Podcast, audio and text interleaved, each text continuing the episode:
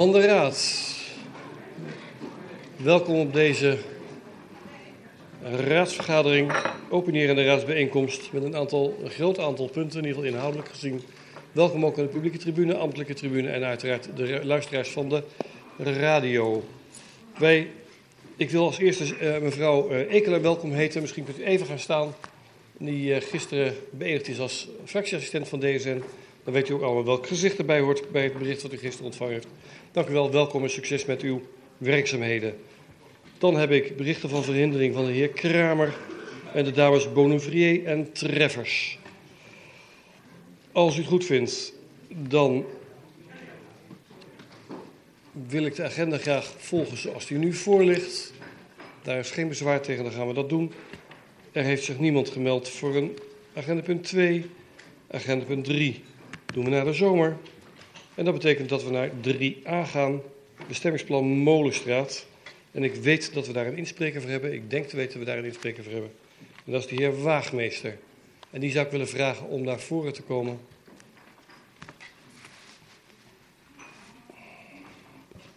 Doet u maar rustig. We hebben de hele avond nog.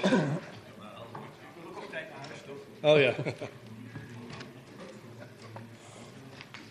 Meneer Waagmeester, u heeft het woord. Dank u wel, voorzitter. Um, ja, het is een uh, mooi plan wat hier uh, voor ligt. Wij zijn ook betrokken geweest bij, als stichting Vrienden Soester Eng, waar ik de voorzitter van ben, betrokken geweest bij, uh, bij de planvorming, de inpassing in het landschap. Daar hebben we op zichzelf allemaal geen problemen mee. Het enige puntje waar wij echt grote moeite mee hebben, is het feit dat er een stukje uh, van de eng afgaat, omdat daar uh, die volkstuinen moeten worden gerealiseerd, die moeten worden opgeofferd uh, vanwege dit bouwplan. en nou is het zo dat het weliswaar kan, het mag volgens het bestemmingsplan, hoewel die wijzigingsbevoegdheid in 2012 op de valreep is tot stand gekomen zonder dat wij daar veel uh, inspraak in kunnen, hebben kunnen hebben. Maar goed, het, het, mag volgens het bestemmingsplan, maar zoals u allemaal weet, uh, het hoeft niet. Je hoeft een bestemmingsplan niet te volgen. En in dit geval lijkt ons dat er alle reden is om te kijken of er alternatieven zijn. Want zo'n stukje eng weer gaan gebruiken voor dit doeleind is toch eigenlijk in strijd met wat de gemeente wil met de eng, namelijk open houden. Dus wij vragen ons af of er echt creatief is nagedacht over andere oplossingen. We hebben bijvoorbeeld gewezen op het feit dat er een paar jaar geleden aan de noordoostzijde een stuk grond ook door de volkstuinen in gebruik is genomen. En dat kan volgens ons heel goed als compensatie dienen.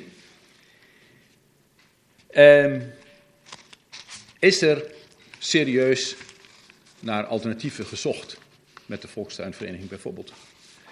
Um, een van de mogelijkheden die ik hoorde suggereren, en wil ik u toch graag serieus voorleggen om daar eens op in te gaan, is dat je zou kunnen zeggen als het toch moet, hè, je moet toch uitbreiden op de eng, om voor dat strookje, dat beoogde strookje, om daar is te kijken of je daar niet een ander regime voor kunt afspreken, waarbij er geen sprake is van bouwsels, maar waarbij je zegt van nou, ook cultuurhistorisch waarschijnlijk toch ook verantwoord, dat daar perceeltjes zouden kunnen ontstaan waar, waar groenten uh, en aardappels uh, worden verbouwd, kleinere perceeltjes, maar waar verder geen uh, bebouwing, geen, geen bouwsteltjes plaatsvinden dan zouden mensen op de bestaande volkstuin die daarvoor voelen, die op die manier tuinieren, zouden daar naartoe kunnen gaan.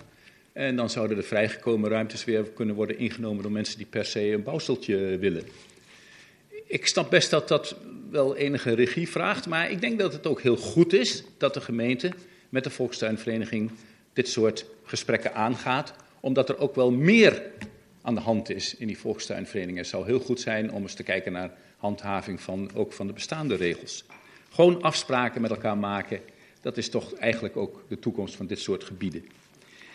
Eh, en mijn persoonlijke mening is dan dat ook bijvoorbeeld dat afschermende struikgewas wat nu wordt voorzien, dat dat ook achterwege zou kunnen blijven. Dat scheelt ook weer. Ehm, ja, dus dat is uh, een suggestie die mij uh, persoonlijk heel erg aan zou staan. En ik zou jullie echt willen uitnodigen om hier op die creatieve wijze dus mee, mee om te gaan. Dank u wel. Dank u wel, meneer Waagmeester. Zijn er vragen ter toelichting, meneer Waagmeester? Meneer Pauw. Daarna meneer Sielke. Meneer Pauw heeft het woord. Uh, heer Waagmeester, uh, uh, uw ideetjes om zeg maar naar een alternatief te kijken, is alleen specifiek, blijft het op de 1. dat bedoelt u niet naar een ander gedeelte van Soest. En de tweede vraag die ik heb. u zegt nou een ander regime daarin brengen in het eventuele gedeelte wat uit zal breiden. Ja. Heeft u daar overleg gehad met de bestuur, het bestuur van de Volkstuinvereniging? Nee, nee. Ik heb ze net ontmoet. Nee, geen. Nee, kijk, ons punt is dat we het liever helemaal niet willen. Maar ik, ik, ik, ik, ik snap ook best dat, dat er iets moet gebeuren. En ik denk dat dit ook het, het de goede plek is om daarmee te starten. He, want ja, ik denk dat het ook aan de raad is of aan, aan het gemeentebestuur om met die volkstuinvereniging in gesprek te komen. En daar willen wij best uh, bij betrokken worden, heel graag zelfs. Misschien is het een goed idee. Oké, okay, dank u wel. Meneer Sielke. Ja, dank u wel, meneer voorzitter. Ja, het is een prikkelende gedachte. Um, u had het alleen over de compensatiemogelijkheden aan de noordzijde. En dat triggerde me even. Dus mijn vraag is, de, ziet u daar kansen? Daar, daar, is een strookje in gebruik genomen, een paar jaar geleden, door de volkstuinen.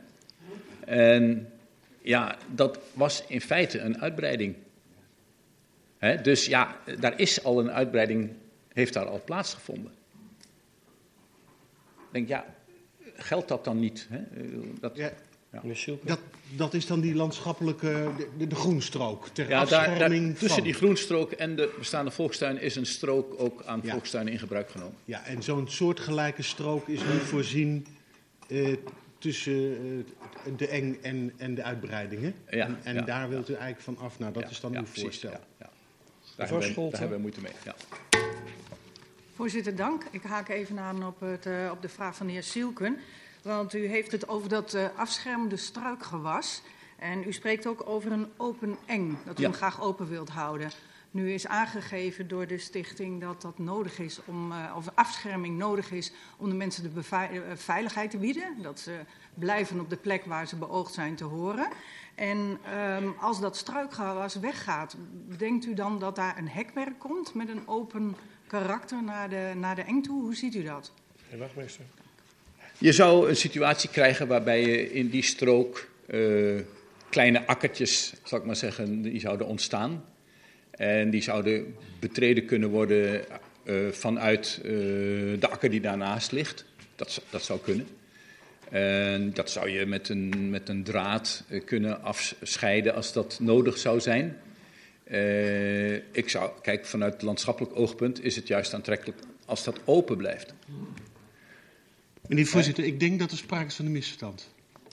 Uh, het gaat hier om de afscheiding tussen de volkstuintjes en, en het akkergebied. En niet de of afscheiding tussen uh, de tuin van het uh, tehuis en, en de omgeving. Maar volgens mij was dat wel duidelijk. Ja? Ja. Oké. Okay. Zijn er nog meer vragen aan de heer Waagmeester? Nee? Dan wil ik u danken voor uw, voor uw inbreng. En dan ga ik vragen aan de raad of zij vragen aan het college hebben. Goed. Meen aanleiding inbreng. Dank u wel. Wie mag ik noteren voor de ronde vraag aan het college? Meneer Pauw. Meneer Sielke. Meneer Pauw. GGS, u heeft het woord. Voorzitter, dank u wel. Uh, ja, we gaan nu eigenlijk alleen maar over volkstuintjes praten, maar ik had uh, zeg maar in mijn volgende termijn in ieder geval willen aangeven dat ik wel zeg maar, positief sta tegenover de uh, bebouwing van het tehuis wat aan de Molenstraat komt. Maar even over de Molenstraat verder de compensatie. ik wil graag van de, het college weten hoe het mogelijk is dat er eigenlijk in 2012 een besluit is genomen om de tuintjes alvast uit te gaan breiden voor de compensatie. Op het perceel wat we hebben aangekregen in het kaartje staat nummer 3, ruim eh, bijna 1900 vierkante meter. Uh, daar zijn nog zeg maar, de omheiningen bijgekomen op uh, zeg maar, de percelen 4. En nu komt er eigenlijk als klap op de vuurpijl eventjes 2800 vierkante meter bij voor de dingen. Dus er is, wordt ruim gecompenseerd waar de volkstuintjes al in zeg maar, zijn voorzien. Ik wil graag daar een, uh, zeg maar van u een toelichting op hoe dat is ontstaan. Dank u wel, meneer Pauw namens GGS. Meneer Sielke namens D66. Ja, dank u wel, meneer voorzitter. Uh, ja, meneer uh, Waagveld heeft een suggestie gedaan. Ik wil eigenlijk vragen aan het college hoe zij uh, staan tegenover het idee om te proberen samen met uh, de werkgroep uh, en um, de, de vereniging van de tuintjes om te kijken of er zo'n mogelijke invulling is in die strook, zodat er geen verdere aantasting van het landschap plaatsvindt. Dank u. Dank u wel, meneer Sielke namens D66. Mevrouw Gastelaars, DSN. Voorzitter, dank u wel. Ja, op het gevaar af dat het een technische vraag is, want dat weet ik niet helemaal zeker. Uh, in de, in de boomeffectanalyse over de Molenstraat, over het terrein, staat dat het huidige pad tussen de huisnummers 137 en 157 uh, nu uh, uh, bestaat uit halfverharding.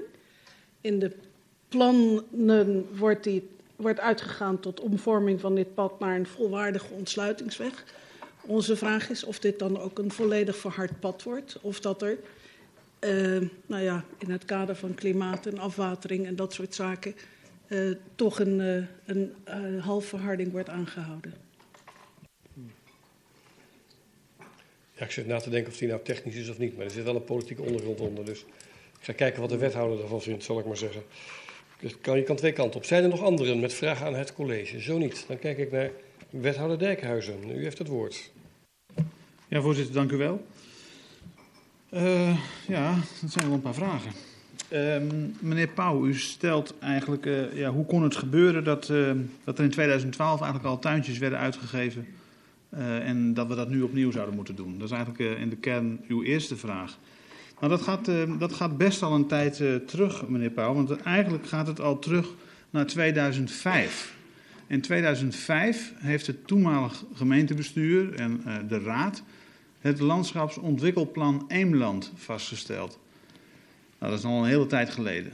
Um, daarbij hebben ze in 2012, dus zeven jaar later, uh, die stukjes grond die u ook hier in de tekeningen ziet, als een soort landschapontwikkelplan ingevoerd om de kwaliteit te verhogen van het hele gebeuren daar. Um, het voert te ver om te zeggen, maar er lagen 60 plannen om, uh, om uitvoering aan het lot te geven. En er zijn uiteindelijk tien van overgebleven. En een van die plannen was ook dit gedeelte. Tegelijkertijd liep er in 2012 um, vanuit toen nog de organisatie Zorgpalet Soest een aanvraag om een gebouw te mogen bouwen aan de Molenstraat tussen de genoemde huisnummers. Dat plan was echter toen in 2012 vele malen groter dan wat er nu gebouwd gaat worden. Dus toen is eigenlijk in 2012 een koppeling gemaakt van ja, Um, we gaan aan de ene kant het landschap uh, kwalitatief verbeteren, maar we moeten ook kijken wat betekent dit voor de toekomst, voor het hele gebied, als die ontwikkeling op gang gaat komen. Toen is ook die wijzigingsbevoegdheid door, door de Raad vastgesteld in het hele plangebied. Uiteindelijk is er in 2012 niks van terechtgekomen. Nou, in samenwerking met zowel uh, de, de stakeholders als de buurt is er nu een nieuw plan gemaakt. En um, dat plan is veel kleiner overigens dan het aanvankelijk eerste plan van uh, Zorgpalet. Uh, ja, en dan komt nu de vraag, ja, ga je dan die grond nu weer uh, als het ware compenseren, ja dan nee? En eigenlijk is het antwoord ja, dat zou je eigenlijk wel moeten doen. Want de gronden die je in 2012 hebt veranderd daar, en ook toen is al zo'n haag aangelegd, dat is eigenlijk ook wel in het kader van het landschap-ontwikkelplan gebeurd. En ja, um, ondertussen zijn we weer zeven jaar verder. Um, ja, en gaan we, gaan we uit mijn hoofd 13 uh, tuintjes uh, onttrekken aan de stichting, uh, omdat we nu wel iets gaan doen. Dus het, het, het, het lijkt, en het, het, pan, het past, ook, past ook in het bestemmingsplan. Het lijkt ehm, ja, niet meer dan, eh, eh, ja, nou ja, logisch is misschien iets te zwaar uitgedrukt, maar dat je, dat je daar toch de stichting mee tegemoet komt en die grond gaat uitgeven. Dus, dus dat is eigenlijk een lang verhaal, maar wel, het, het, is niet dat het vandaag opkomt. Het is al veel langer in werking. Ehm, meneer Sielke, u zegt, eh, hoe staat u tegenover het mogelijk, eh, mogelijke invulling geven met de diverse stichtingen en partijen om daar nog eens goed naar te kijken?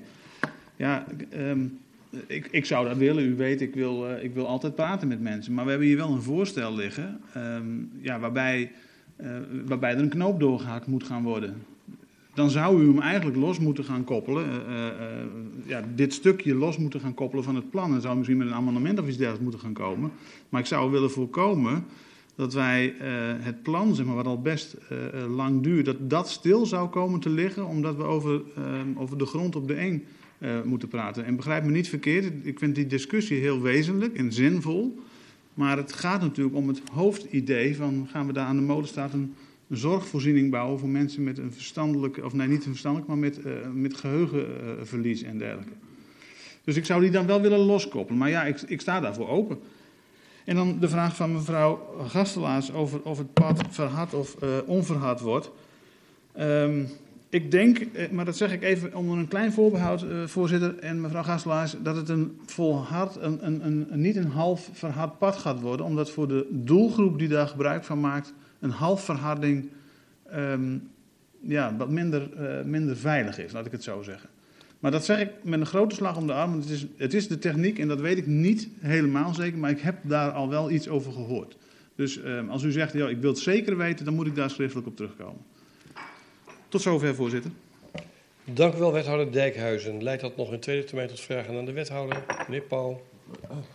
Ja, voorzitter, uh, de wethouder geeft aan dat uh, ja, we zijn er al zo lang mee bezig, van 2005.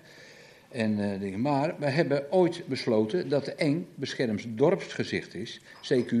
De M is eigenlijk zeg maar een area om no-go.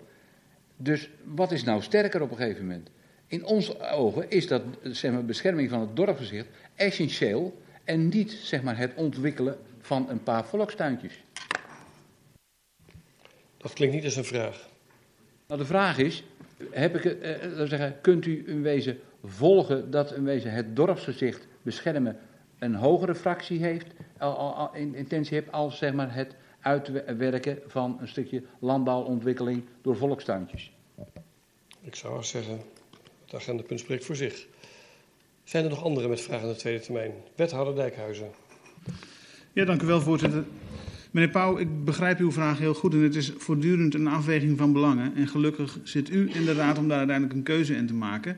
Um, maar het is wel zo dat die volkstuintjes heel erg ook wel gebruikt worden. Er is een wachtlijst, er zijn heel veel mensen die een volkstuintje zouden willen.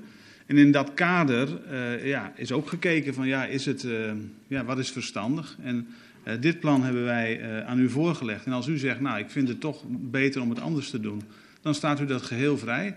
Uh, wij hebben gemeend, ook in het licht van uh, de bevoegdheid die wij hier hebben, maar ook in het licht van al die mensen die op een wachtlijst staan voor een tuintje, om het op deze manier in te vullen. En het daarmee ook meteen in zijn geheel recht te zetten. Want, want uh, ik kan me voorstellen dat u in zijn geheel zegt van ja, dat gaat wel over heel veel grondgebied. Dat is ook zo, maar dat is allemaal door de jaren heen al zo neergelegd. En we willen het nu in één keer gewoon eens netjes afmaken. En daar hebben we op deze wijze voor gekozen.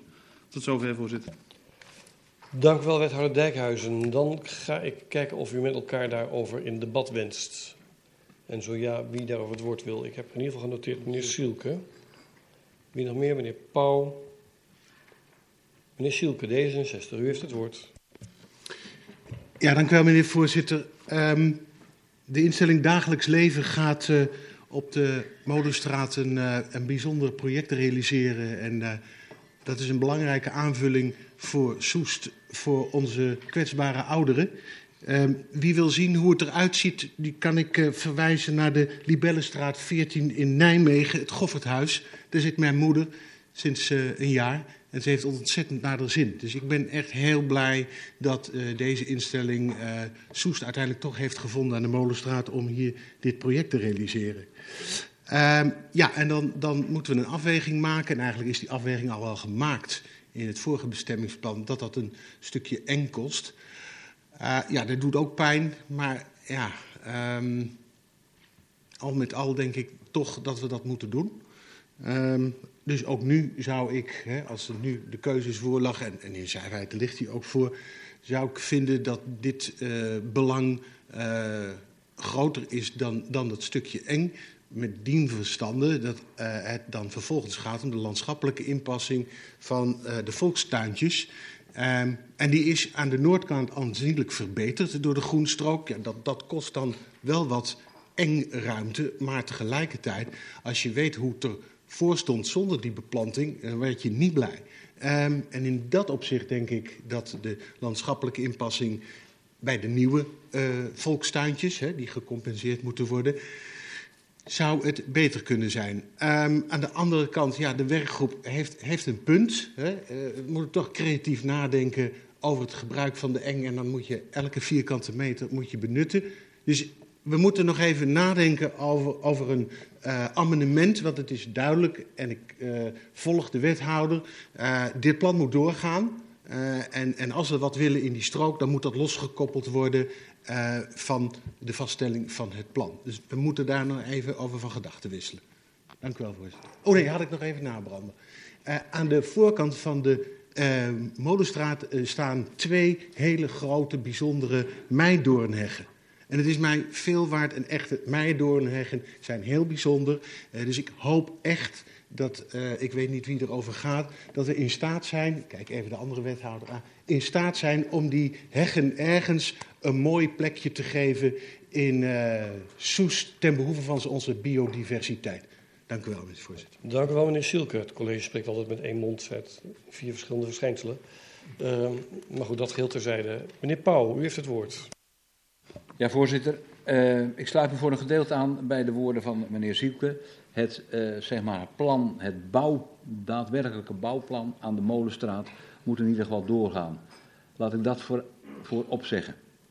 Uh, want het is een goed plan en we hebben destijds de tekeningen en ook de meidoorn die daarin aan de orde komt, die blijft bestaan. Dus toen werden we al gerustgesteld daarin. Dus wat dat betreft heeft u onze zegen daarvoor. Alleen het uitbreiden van de volkstuintjes, daar hebben wij echt moeite mee om zeg maar, zo'n stuk de eng er weer aan op te offeren. Destijds is er al een stukje bijgekomen. En op een gegeven moment zou je op een gegeven moment roeien, uh, het is gemeentegrond. Dus we hebben eigenlijk van, ja, we zullen uh, zeg maar, uh, moeten gaan compenseren. We hoeven helemaal niet te compenseren. Wij kunnen gewoon besluiten hier als deze raad te zeggen, we gaan die uitbreiding op de eng niet doen, want we vinden het dorps gezicht om in stand te houden van de eng veel hoger categorie. Dat wil ik in ieder geval zeg maar, hier op tafel leggen. Uh, wij overwegen een, een, amendement in te dienen om in ieder geval dat te bewerkstelligen. Dat we in ieder geval niet zover uh, de eng op gaan als dat nu de plannen voorliggen. Voorzitter.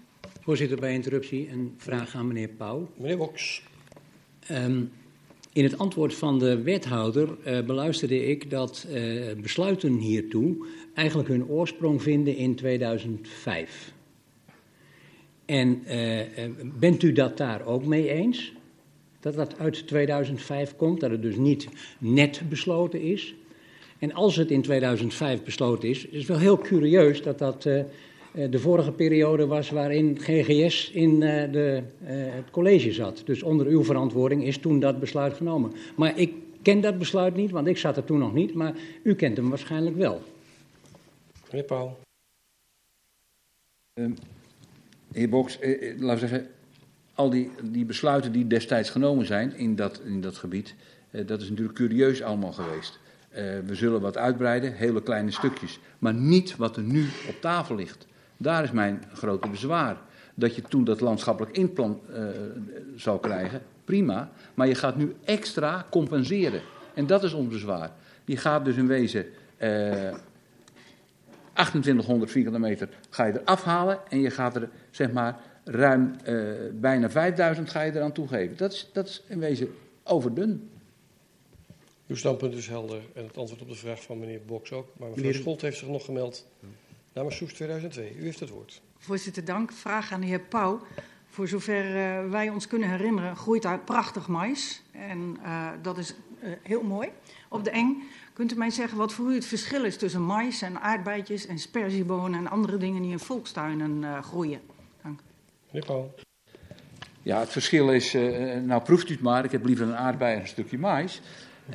maar ik wil u, wil u wel meegeven, als je gaat kijken naar de mais, dan is dat, hoort dat op de eng thuis. Volkstuintjes hoort daar ook wel thuis. Maar als je kijkt wat de verrommeling is, ja, als je kijkt wat van bouwsels daar aankomen, en, en, laten we zeggen, we hebben met de bewoners gesproken en dan kom je op een gegeven moment aan, ze zijn iedere keer aan het branden en dat soort zaken. Daar wordt totaal niet naar gekeken. Dus is ook een stukje verrommeling.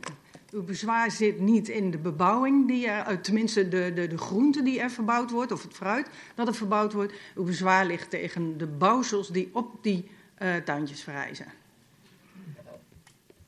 In hoofdzaak wel.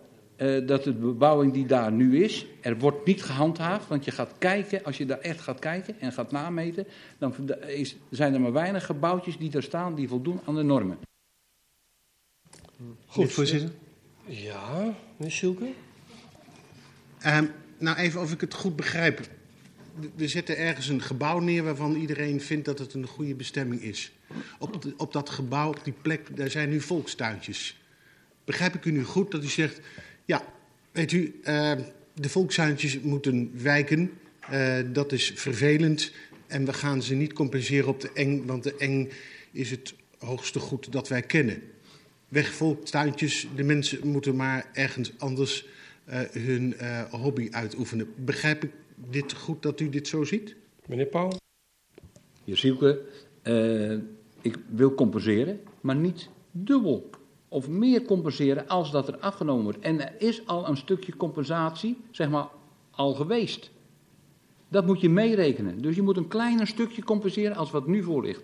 Dat zou ik als compromis willen aangeven. Goed, dank u wel. Zijn er nog anderen die inbreng willen leveren over dit agendapunt? Ja. Meneer Witloks, Partij van de Arbeid. Ja, ik ben een beetje verrast door de discussie van het compenseren. Uh, wij dachten van nou, dit is een prima plan. Hè? Mensen met dementie die uh, hier geholpen kunnen worden, er is behoefte aan is hoest. Fantastisch dat het er eindelijk van komt. Het plan lag er in 2005 al. Ik kan me daar nog iets aan over herinneren. Toen was het groter, het was hoger, het was breder, het was dieper. En nu komt er eindelijk wat.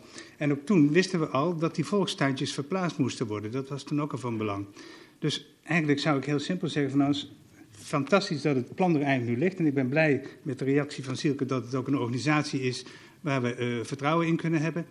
En ik ben ook blij met uh, dat de, de, mensen die op de wachtlijst staan voor een volkstuintje, dat is ook groen en dat is belangrijk groen, dat is ook welzijn van mensen. En wij zijn van, van, de PvdA alleen maar blij dat die volkstuintjes dan op een andere plek terechtkomen. En we denken dat het geen enkele afbreuk doet. Dus zo zaten we er eigenlijk in voordat de discussie uh, plaatsvond.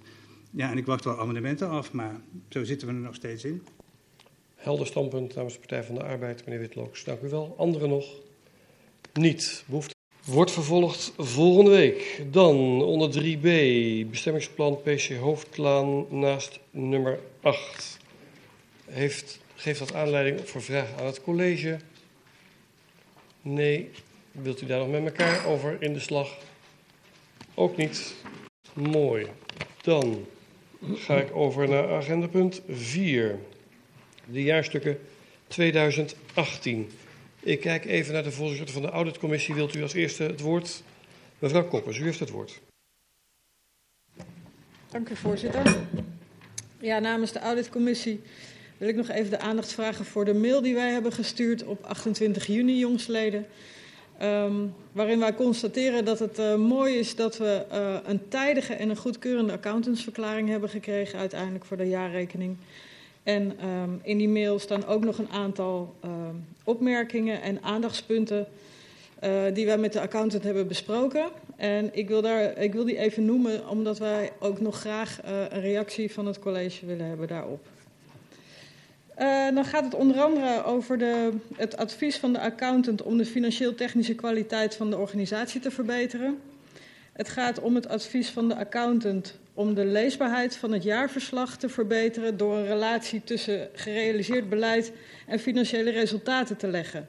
Wij zijn benieuwd hoe het college dit gaat oppakken. Um, verder heeft, die, uh, heeft de accountant uh, met ons een vooruitblik gekeken naar de, naar de volgende periode, waarin een aantal ontwikkelingen zich voordoen. Um, zoals bijvoorbeeld nieuwe regelgeving op het gebied van onderhoudsbepalingen en de verslaglegging daarvan. Uh, die vergt aandacht van de organisatie. En er komt uh, de nieuwe rechtmatigheidsverantwoording. En uh, we hebben het daar uh, met de wethouder en de accountant tijdens de bespreking over gehad dat wij eigenlijk heel graag een plan van aanpak zouden zien um, komen. Hoe, wij dat, hoe, hoe, hoe, de, hoe het college en de organisatie dat gaan, gaan aanpakken. Hoe wij tot die verplichte rechtmatigheidsverantwoording, hoe wij dat gaan, gaan invoeren in Soest. En uh, ja, wij zouden graag de reactie van, uh, van het college op deze punten willen horen. Dank u wel, mevrouw Koppers. Voor de orde van de vergadering denk ik dat het goed is dat ik eerst de wethouder de ruimte geef om te antwoorden voordat ik de bestuurlijke vraag open. Als u daarmee eens bent, dan kijk ik naar wethouder Van Aalst. U heeft het woord. Dank u wel. En ik wil de eerste auditcommissie danken voor de complimenten die ze hebben uitgesproken in hun mail. In hun mail. En ga natuurlijk ook graag in op de opmerkingen en aandachtspunten die u heeft benoemd. Uh, wat betreft het eerste aandachtspunt, dat gaat over, uh, nou, u noemt het de financieel-technische kwaliteit in de organisatie. Uh, de accountant heeft daar in het accountverslag aandacht aan besteed en daarin ook verwezen naar de formatievraag die er in de kadernota is opgenomen. dus ik denk dat dat ook iets is aan uw raad om straks een uitspraak te doen over het voorstel dat het college in de kadernota heeft neergelegd. Um, ten tweede vraagt u aandacht voor de leesbaarheid van het, jaarverslag. En u vraagt van, nou, bereid een voorstel voor en ga hierover de gedachtenwisseling aan met de gemeenteraad. Nou, dat doen we graag. Eigenlijk zou ik willen zeggen, dat zetten we graag voort. Uh, u heeft in de kadernota ook een voorstel aangetroffen waarin we de indeling van de begroting, de programma-indeling, uh, graag uh, willen herordenen, op de schop nemen zou ik willen zeggen. Ook dat is in samenspraak met uw raad tot stand gekomen. Um, en ook het vervolg um, zetten wij zoals aangegeven graag met uw raad uh, verder in gang.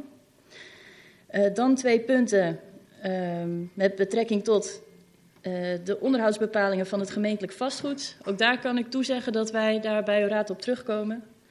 Um, en u vraagt aandacht voor het plan van aanpak voor de rechtmatigheidsverantwoording. Nou, met uw auditcommissie heb ik eind vorig jaar een samenvatting gedeeld van het verbeterplan dat gemaakt is, wat zowel voor de korte termijn een aantal uh, maatregelen in zich had, maar ook voor de lange termijn, voor de rechtmatigheidsverantwoording. U geeft nu aan van, nou, zouden wij op korte termijn kennis kunnen nemen van eigenlijk een aanpassing daarvan, tenminste zo zie ik dat, of een nieuw plan van aanpak. Um, nou, wij komen natuurlijk, zoals ik u al aangaf, daar graag op terug. Um, u heeft ook gezien in de kadernota hebben wij dus hebben we een voorstel voor beleidsintensivering uh, hebben wij neergezet. En het is natuurlijk wel bepalend hoe we daarmee verder gaan, ook hoe het plan van aanpak eruit ziet. Dus u kunt zich voorstellen dat we eerst besluitvorming daarover uh, nodig hebben om met een uh, nou ja, goed plan van aanpak te kunnen komen. Daar zou ik het eigenlijk bij willen laten. Dank u wel, wethouder Van Aals. Dan ga ik nu zeg maar, voor de eerste ronde vragen aan het bestuur. Kijken wie daarover het woord wenst. Zijn er geen vragen aan het bestuur naar aanleiding van de rekening? Ja, dat kan natuurlijk. Wil u daar nog met elkaar over spreken? Ook niet? Oké, dat kan ook. Dan uh, komt dit vanzelf in de besluitvormende vergadering van volgende week terug. Goed, gaan wij over naar agenda punt 5, de kadernota 20. Uh, even voor de orde, het staat in de tekst natuurlijk aangegeven, maar uh, uh, voor de goede orde, wij doen, de, we doen eerst bestuurlijke vragen. Uh, daar geef ik uh, dan het college de gelegenheid voor om te antwoorden als dat nodig is. Uh, voorafgegaan door een korte schorsing. Daarna doen we de beschouwingen zoals we hebben afgesproken. Vijf minuten. Ik heb daarvoor gelood. Ik zal dat strakjes allemaal netjes oplezen welke volgorde we daarvoor bedacht hebben. En na de beschouwingen gaan we dan de discussie en het debat met elkaar voeren. Dat was de orde van de vergadering zoals we met elkaar in de agendacommissie hebben afgesproken. Daar kunt u nog steeds mee leven. Ja, dan ga ik nu inventariseren wie er allemaal vragen aan het college wenst te stellen. En ik zie meneer De Wilde, mevrouw Koppers, meneer Stormbroek, meneer Sielke, mevrouw Walraven. Anderen nog? Nee, ik geef het woord aan de heer De Wilde. Hij spreekt namens de fractie van de VVD. Ja, dank u wel, voorzitter. Um, ik heb een vraag over de meiscirculaire. Um, de eerste versie van de kadernota is rondgestuurd voordat de meiscirculaire uitkwam. En ik wilde eigenlijk aan de wethouder vragen of um, zij nog even kan aangeven wat de impact is van die meiscirculaire op de, de kadernoten zoals we er nu voor staan. Dat was het, dank u wel. Dank u wel, meneer De Wilde. U sprak namens de VVD. Mevrouw Koppers, GroenLinks. Dank u, voorzitter. Ik heb er wat meer. Uh, in de, in de bestuurlijke inleiding signaleert u dat de begroting van de gemeente voor een belangrijk deel wordt bepaald door ambities van de landelijke overheid, die daar vervolgens niet genoeg middelen bij verstrekt. Dit betekent dat Soest, maar zeker niet alleen Soest, weer dreigt te gaan bezuinigen. We gaan ervan uit dat u dat niet zomaar wilt laten gebeuren. En dat u een krachtig signaal af wilt geven richting Den Haag, dat dit echt niet zo kan. Welke stappen heeft u ondernomen of gaat u ondernemen om dit probleem aan te kaarten bij de landelijke overheid? Bij wie heeft u aan de bel getrokken of gaat u aan de bel trekken? U stelt in de kadernota dat bij het zoeken naar wegen om de begroting sluitend te krijgen alles bespreekbaar is. Waarom legt u dan toch een hypotheek op deze belofte door de drie prioriteiten van het college van bezuinigingen uit te sluiten? Of lezen we dat verkeerd? Duurzaamheid, dalwegvisie en sociaal domein. Tegelijkertijd spreekt u, zichzelf de tekst, uh, spreekt u zichzelf in de tekst tegen, want in het sociaal domein worden wel degelijk bezuinigingen aangekondigd. Geeft u hiermee toe dat dit beleidsterrein toch niet echt bij de prioriteiten van het college behoort? U stelt voor de tekorten ook met lastenverhogingen te dekken, zoals wellicht ook een verhoging van de OZB. Als u voor het ondernemersfonds al een forse verhoging aan OZB voor niet-woningen oplegt, snijdt u zich dan niet in de vingers? Blijft er dan niet te weinig ruimte over voor een algemene OZB-verhoging? In het sociaal domein is het inmiddels duidelijk wat de gevolgen zijn van de bezuiniging die de decentralisaties hebben gebracht. Door het tekort aan geld schiet de gemeente in de controlereflex en dat frustreert de hulp en de hulpverleners. In plaats van zorg tuigen we bureaucratie op. Ik dacht dat dit een vragenrondje was. Ik hoor nu een heel politiek statement wat u aan het afgeven bent. Dus het wordt allemaal afgesloten met een vraag, eh, meneer de Ja, dat kan wel, maar ik vind het nog steeds geen vraag. Spijt me. Ik ben toe aan de vraag. Um, Mevrouw Koppers. Waarom gaan we in Soest stug door met het ontwikkelen van monitors en andere papieren controleinstrumenten waar de zorg echt niet beter van gaat worden? Uh, vraag 5. Zeker in de jeugdzorg zou volgens allerlei deskundigen juist meer aan de preventiekant geïnvesteerd moeten worden om duurdere hulp uh, te voorkomen. Waarom zien wij hier niets van terug in de plannen van het college? In Soest en Soesterberg zijn er nogal wat actieve vrijwilligers afgehaakt de laatste tijd. Um, en dat terwijl we deze mensen in alle sectoren nodig hebben. In de kadernota lezen we een tekst over verbreding budget bewonersinitiatieven. Die tekst is nogal vaag. Wat bedoelt het college hier? Wordt het geld breder gebruikt om een ambtenaar vrij te stellen, bijvoorbeeld om bewoners bij initiatieven te ondersteunen? Kunnen we bijvoorbeeld bestaande vrijwillige activiteiten die het zonder geld echt niet gaan redden hiermee steunen? Wat bedoelt het college met dat het budget gebruikt gaat worden om doelstellingen uit het coalitieakkoord te betalen? Laatste vraag. In het college, uh, coalitieakkoord had de fiets nog een belangrijke plek. Daar waren wij blij mee. In de kadernota zien we daar niet zoveel meer van terug.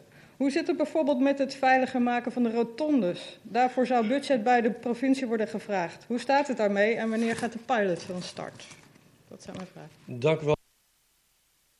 U sprak namens de fractie van GroenLinks. Ik geef het woord aan de heer Stormbroek namens POS. Uh, ja, dank u wel, voorzitter. Mevrouw Koppers heeft uh, redelijk het gras voor de voeten weggemaaid. Want er zat een aantal vergelijkbare vragen in uh, die wij ook zo keurig, nou, toch een paar weken op hebben gebroed. Maar we gaan gewoon, ja, misschien moeten we de volgende keer even kort sluiten, want dat scheelt een heleboel werk. Ik heb nog wel een, wel een vraag, ook voor het college. in de begroting van 2019 staat, onze inzet is gericht op een dekkende begroting vanaf 2020 voor 2019 en verder zullen we daarom moeten gaan werken met een financieel kader sociaal domein dat gebaseerd is op een afgewogen uitgavenplafond. In de kadernota die we nu bespreken staat, we gaan door op de ingeslagen weg. Beter, meer passend en minder uitgaven. Is dit uw algemene beschouwing? Of nee, dit, dit, is een inleiding naar een vraag. Oké. Okay. Ik neem dezelfde vrijheid als mevrouw Koppers. Uh, echter, verderop staat in diezelfde kadernota dat u verwacht dat de zorgkosten verder zullen oplopen en dat de reserve waarschijnlijk in 2021 op is. Kunt u ons uitleggen wat u gaat doen? Want wordt er niet duidelijker op. Gaat het college werken met een afgehogen uitgavenplafond? Gaat het sturen op minder uitgaven? Of gaat u gewoon door op de ingeslagen weg? Wat betekent dat in 2021 geen reserve meer hebben? En kunt u de gevolgen van uw keuzes uitleggen voor onze inwoners? Vraag, dat is mijn vraag 4, maar dat is vraag 2 nu. Er blijkt een groot tekort aan medewerkers bij de gemeente. Zelfs in die mate dat ze er eigenlijk geen werk bij kunnen hebben en werk nu al vaak niet afkomt. Nog los van de externe inhuur wordt er in deze nota gevraagd om meer dan 10 FTE formatieuitbreiding, wat neerkomt op meer dan 800 per jaar. Er lijkt een directe relatie tussen uw ambitieniveau en de behoefte aan meer menskracht. Bent u bereid om uw ambities bij te stellen, waardoor de medewerkers minder belast worden en wellicht minder mensen hoeven te worden aangenomen? De volgende vraag, dat is inmiddels een beetje mijn laatste vraag.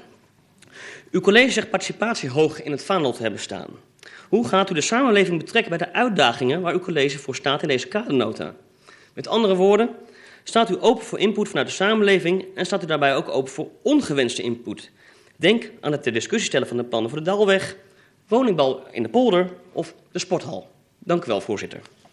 Dank u wel, meneer Stormbroek. U sprak namens POS, meneer Sielke, D66. Dank u wel, meneer de voorzitter. Um, er werd over de mei-circulaire uh, gesproken, die is verschenen. Uh, maar er is ook nog een najaarscirculaire. En uh, kan het college een indicatie geven wat de gevolgen zullen zijn van de najaarscirculaire van het Rijk?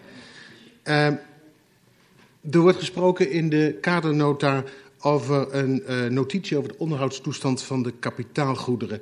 Um, mijn vraag is, uh, komt die voor de begroting uh, gereed en kan die aangeven hoe die dan zijn weg vindt in de begroting of daarna? Um, maar meer in het bijzonder wil ik dan toch vragen of er een, het college een globale schatting kan geven van de kosten en de tijdstip van het groot onderhoud van het zwembad. En wat de gevolgen daarvoor voor de begroting betekenen. Uh, de laatste vraag, dat is misschien meer aan de voorzitter, voor de duidelijkheid. Behalve de kadernota ligt er ook nog een voorstel van de Griffie over het livestream. En mijn vraag is, uh, wordt dat voorstel na raadsbehandeling meegenomen door het college in de prioriteitsstelling van de komende begroting? Dank u wel. Dank u wel, meneer Sielku. Sprak namens D66 mevrouw Walraven, ChristenUnie SGP. Dank u wel, voorzitter. Um, ik had een vraagje over uh, het onderwijs. Het Griefland uh, College is toe aan vernieuwing. En als wij het goed begrepen hebben, is hier geen geld voor gebudgeteerd. En uh, wij zijn heel erg benieuwd of u misschien iets meer duidelijkheid kan geven om welke bedragen het hier gaat. Dank u wel. Dank u wel, mevrouw Walraven. U sprak namens de ChristenUnie SGP. Dan ga ik nu ter linkerzijde. Komt u er in één keer uit? Ik begin... Oh, mevrouw Gastelaars, toch nog... Ja, uw handje was zo klein. Oh, subtiel. U bent nog in deze ronde aan de beurt. Mevrouw ja, deze... Over, over de cubes, die, uh, die op pagina 19 staan vermeld. Dat is natuurlijk hartstikke leuk. Maar ik weet niet of iemand zich nog kan herinneren dat we containers voor, uh, voor de jeugd hebben gehad op een aantal plaatsen in Soest. En uh, daar zijn ervaringen mee opgedaan. Uh, volgens mij hebben ze er twee jaar gestaan. Uh, en waren toen ook weer verdwenen. Dus het lijkt me wel handig om die informatie en die ervaringen en die plekken erbij te halen als u nu gaat experimenteren met cubes. Maar de vraag is, misschien is dat ook wel gebeurd. Tot zover. Dank u wel, mevrouw Gastelaars. Voordat ik helemaal rondging, want ik had mijn lijstje nog, ik had mijn lijstje al af, maar ik had niet rondgekeken. Wilde nog iemand vragen aan het college stellen? Niet? Geen verborgen handen. Dan kijk ik naar wethouder van Aalst om de eerste aftrap te geven. Ja. U heeft het woord. Dank u wel. Uh, nou, de VVD vroeg, uh, wat is de impact van de mei-circulaire op de kadernota? Nou, nadat de kadernota is vastgesteld, um, hebben we de mei-circulaire kunnen bekijken van wat zijn daarvan de gevolgen voor Soest. Um, en zoals u in de brief heeft kunnen lezen die het college naar uw raad heeft gestuurd, blijkt dat die mei-circulaire tegenviel, fors tegenviel, want die laat een negatiever beeld zien dan wij in de kadernota hebben verwacht. Dus dat is iets om rekening mee te houden bij de begroting. Um, nou, mevrouw Koppers wees er ook al naar. Wij zijn als Soes niet de enige die hiermee te maken krijgen. Dat geldt voor een heleboel uh, gemeenten. Um, maar ja, het is, wel, uh, het is wel wat het is. Um, nu is het zo dat we, nou, we hebben een aantal redenen waar, waarom we het zien. Onderuitputting, het Rijk geeft niet uit wat het verwacht had. Um, er is een nieuwe systematiek gekomen om BTW terug te vragen van het Rijk. En de lonen en prijzen bijstelling is minder hoog vastgesteld dan we hadden verwacht. Al met al, we krijgen geld. En dat zorgt natuurlijk voor uh, onzekerheden.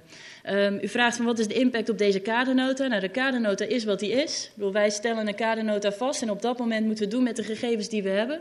Dus dat is het. Uh, maar de meicirculaire zullen we natuurlijk wel degelijk moeten vertalen in de najaarsnota en in de begroting. Uh, dus dat gaan wij dan ook doen. Um, dan meteen ook de vraag van uh, mevrouw Koppes: van wat heeft u daar dan eigenlijk aan gedaan? Van u klaagt wel erover van we krijgen minder geld, maar doet u daar dan ook wat aan? Uh, nou, binnen onze machten uh, doen wij dat. we hebben als college een petitie ondertekend waarin we het Rijk hebben opgeroepen om met middelen over de brug te komen voor de jeugdzorg. Omdat wij daar net als andere gemeenten een tekort op hebben. en denken dat het Rijk daar ook zijn compensatie moet gaan doen. Daarnaast het VNG-congres, wat een, uh, nou, een, maand geleden geweest is, hebben wij ook moties van dien aard gesteund. Dus op die manier wij, proberen wij als gemeente uh, ja, de oproep aan het Rijk zo sterk mogelijk over te komen. Dat het niet zo kan zijn dat we een heleboel taken en ambities krijgen, die op zich ook heel nuttig zijn, maar waar we dan niet het geld voor hebben om ze uit te voeren. Dus dat is de oproep die we gedaan hebben. Dan vraagt u van Um, u heeft in de coalitie eigenlijk ook weer nu herbevestigd in de kadernota dat er prioriteiten zijn. En sluit u die dan uit van bezuinigingen? Hoe zit dat? Nou, wat wij hebben willen uitdrukken in de kadernota is dat we hebben gezegd er zijn wat ons betreft drie prioriteiten waarbij we de ambities willen vasthouden. U noemde het al, wonen, uh, de Dalwegvisie, duurzaamheid en het sociaal domein. Wat betekent dat de ambities die we hebben, die willen we vasthouden. Um, dat betekent echter niet dat we het pad om daar te komen, dat dat hetzelfde hoeft te blijven. We hebben nadrukkelijk in de kadernota aangegeven, ook al blijven die ambities hetzelfde, zullen we nog moeten kijken hoe we die ambitie gaan bereiken. En het kan zijn dat we uitgaven uh, moeten temporiseren of uitgaven niet meer kunnen doen, gezien de financiële situatie waar we nu voor staan. Maar de ambitie willen we wel vasthouden. En u geeft dan aan van ja, maar bij het sociaal domein zie ik staan dat we daar wel iets gaan doen. Nou, eigenlijk moet u in dat licht uh, moet u dat zien. De aard van de financiële situatie is dusdanig dat we overal naar moeten kijken. Dus ook naar de prioriteiten waarvan wij denken die, die staan als een paal boven water. Ook daar moeten we kijken, gezien de financiële situatie, wat is daar nodig en wat is daar mogelijk. En daar ja, heeft het sociaal domein dezelfde positie in als de andere prioriteiten die we hebben gesteld. Um, nou, u geeft het al aan, de relatie met het, uh, wat, wat heeft voor gevolgen heeft uh, de, de OZB-verhoging, de mogelijke OZB-verhoging, waar um, we in deze kadernota over spreken voor het ondernemersfonds, omdat dat ook een OZB-verhoging met zich meebrengt. Nou, u weet dat wij bezig zijn met een onderzoek naar het ondernemersfonds. Uh, daar kijken wij naar technische mogelijkheden, naar allerlei mogelijkheden, naar draagvlak. Um, en uiteindelijk zal ook dit, de ja, de lasten voor onze inwoners, onze bedrijven, uh, zullen er ook een onderdeel van zijn. Dus die afweging zal nog gemaakt moeten worden. Uh, dan vraagt u van, uh, nou, waarom, waarom doen we dat eigenlijk monitoren? En al die controles die we doen, is dat wel nodig? Belasten we daar het sociaal domein niet te veel mee? Ehm, nou, u moet het zo zien dat ehm, monitoren ontzettend belangrijk is om te weten wat is er aan de hand in onze gemeente en waar moeten wij als uh, ja, gemeente ons op richten. Waar is onze aandacht nodig? Wij willen zien in dat hele brede sociaal domein, wat gaat van jongeren tot ouderen en allerlei vormen van zorg, Waar gaat het goed en waar kan het beter? En daarvoor is het nodig om te monitoren. Niet omdat we dat, dat doen we niet nou, omdat het onze hobby is, maar dat doen we omdat we, dat nodig is om telkens het sociaal domein ook uh, stappen in te kunnen blijven zetten en te zorgen dat we de zorg en ondersteuning voor mensen bieden die dat nodig hebben. En controles, uh, ja, uh, soms is het een noodzakelijk kwaad. we hebben net een jaarrekening behandeld, waar het gaat om de accountantscontrole. Om die controle goed te kunnen doen, moeten in het hele proces natuurlijk wel dingen worden vastgelegd. En er is terecht aandacht voor dat dat niet te veel is en dat dat wel ook echt een, een doel dient. En we hebben ook uh, gezien, uh, nou, in situaties waar, we, waar ook uh, verplichtingen zijn afgeschaft, maar we moeten wel controleren. En u vraagt zich af, waarom zet u niet in op preventie? Nou, in de kadernota is een stuk wat op hoofdlijnen wordt opgesteld. Daar wordt niet zoals in de begroting heel op de, ja, op, meer op detail ingegaan op alle activiteiten die we doen. Uh, maar juist in de kadernota uh, is bij het sociaal domein ook opgenomen, en dat hebben we eigenlijk vertaald in doorgaan op de ingeslagen weg, dat we juist heel erg willen inzetten, blijven inzetten op het transformeren. Op juist proberen door middel van preventieve, preventief aanbod zwaardere zorgvragen of überhaupt zorgaanvragen te uh, voorkomen. Dus preventie blijft wel degelijk aandacht houden, ook voor jeugd. En in de begroting wordt daar dus meer in detail op ingegaan waar dat dan uit bestaat. De heer Stormbroek vraagt naar het sociaal domein en hoe begroten we dat nou eigenlijk? en hoe gaat dat straks als we, stel je voor, um, die 2021 bereikt hebben en dan ook de reserve uitgenut is. Nou, bij de begroting hebben we ge uitgebreid gesproken over die term. We noemden het, uh, het afgewogen uitgavenplafond. En toen hebben we ook aangegeven als college van... nou, die term gaan we niet meer gebruiken... want die suggereert iets wat niet de bedoeling is. Um, wij hebben de begroting gemaakt op basis van de uitgaven die we verwachten te doen... in het uh, jaar 2019. En dat is iets wat we ook voort willen zetten in het jaar 2020. We zien echter wel dat um, nou, er een stijging is van de zorgkosten. Uh, en dat de reserve die we hebben om die stijging op te vangen, dat die niet oneindig is. Uh, en dat zorgt ervoor dat we verkennen van wat doen we in het sociaal domein, waar kunnen we eventueel keuzes maken om de zorg en de ondersteuning die we doen beter te maken. Maar waar kunnen we tegelijkertijd ook voor kijken, waar kunnen we het dan eventueel met minder geld doen. En dat, uh, nou ja, dat gaan we in de begroting gaan we u daar uh, laten zien. Van nou, welke keuzes zijn daarin mogelijk en ook het voorstel uh, wat we doen. Wat dus wil zeggen dat er geen sprake is van een uh, plafond zoals u aangeeft, maar, maar wat, dat wij kijken van welke uitgaven verwachten wij in het jaar en daar maken wij de begroting op. Um, en een vraag waarvan ik denk dat die bij mij kan horen, dat gaat over de ambities. Moet u die niet bijstellen als medewerkers zo belast zijn? Um, nou, dat is natuurlijk een, uh, een terechte vraag. Uh, want ja, medewerkers die kunnen maar zoveel doen. En wij hebben ook zorg voor de mensen die ons hierbij ondersteunen. Uh, dus daar willen wij wel degelijk, nou, kijken wij daar kritisch naar. En hebben we juist ook in de kadernota voorstellen opgenomen waar wij denken van, nou, dit kan zo niet. Natuurlijk moeten we daar wel weer keuzes in gaan maken. De financiële situatie laat het niet toe dat we alle voorstellen die in de kadernota zijn opgenomen ook gaan doen. Dus daar zullen we keuzes in moeten maken. En dat betekent misschien soms ook inderdaad dat we ambities zullen moeten bijstellen. Uh, dan vroeg de heer Sielke naar wat zijn nou de gevolgen van de najaarscirculaire. Ik denk dat u doelt op de septembercirculaire.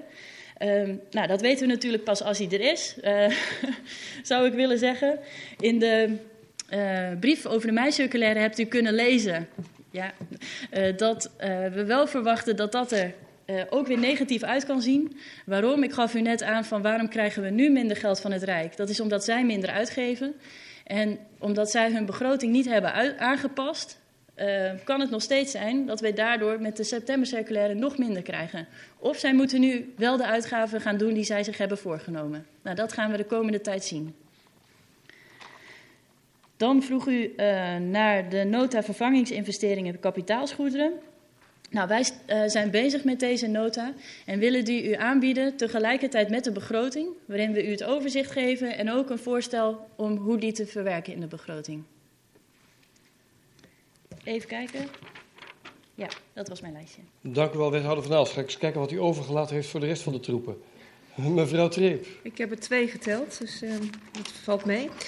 Uh, mevrouw Koppers, u vroeg naar het budget burgerinitiatieven. Dat is in het leven geroepen destijds 1 ton voor initiatieven uh, van inwoners die daar een financiële ondersteuning van wilden. En we hebben daaraan gekoppeld een maximumbedrag van 2.500 euro per initiatief. Um, in ons coalitieakkoord hebben wij uh, daaraan toegevoegd dat we ook graag aan de slag willen met bijvoorbeeld Right to Challenge. In de kadernota noemen we dat het nieuwe uitdagingsrecht. En um, daar hebben wij geen financiële dekking voor. We hebben wel onlangs met de behandeling van de buitensport een, uh, een, een to Challenge aangenomen als college om VV Hees uh, te helpen bij een Right to Challenge om een eigen clubhuis te gaan bouwen. En wij zien daar wel ambtelijke ondersteuning die we daarvoor nodig hebben.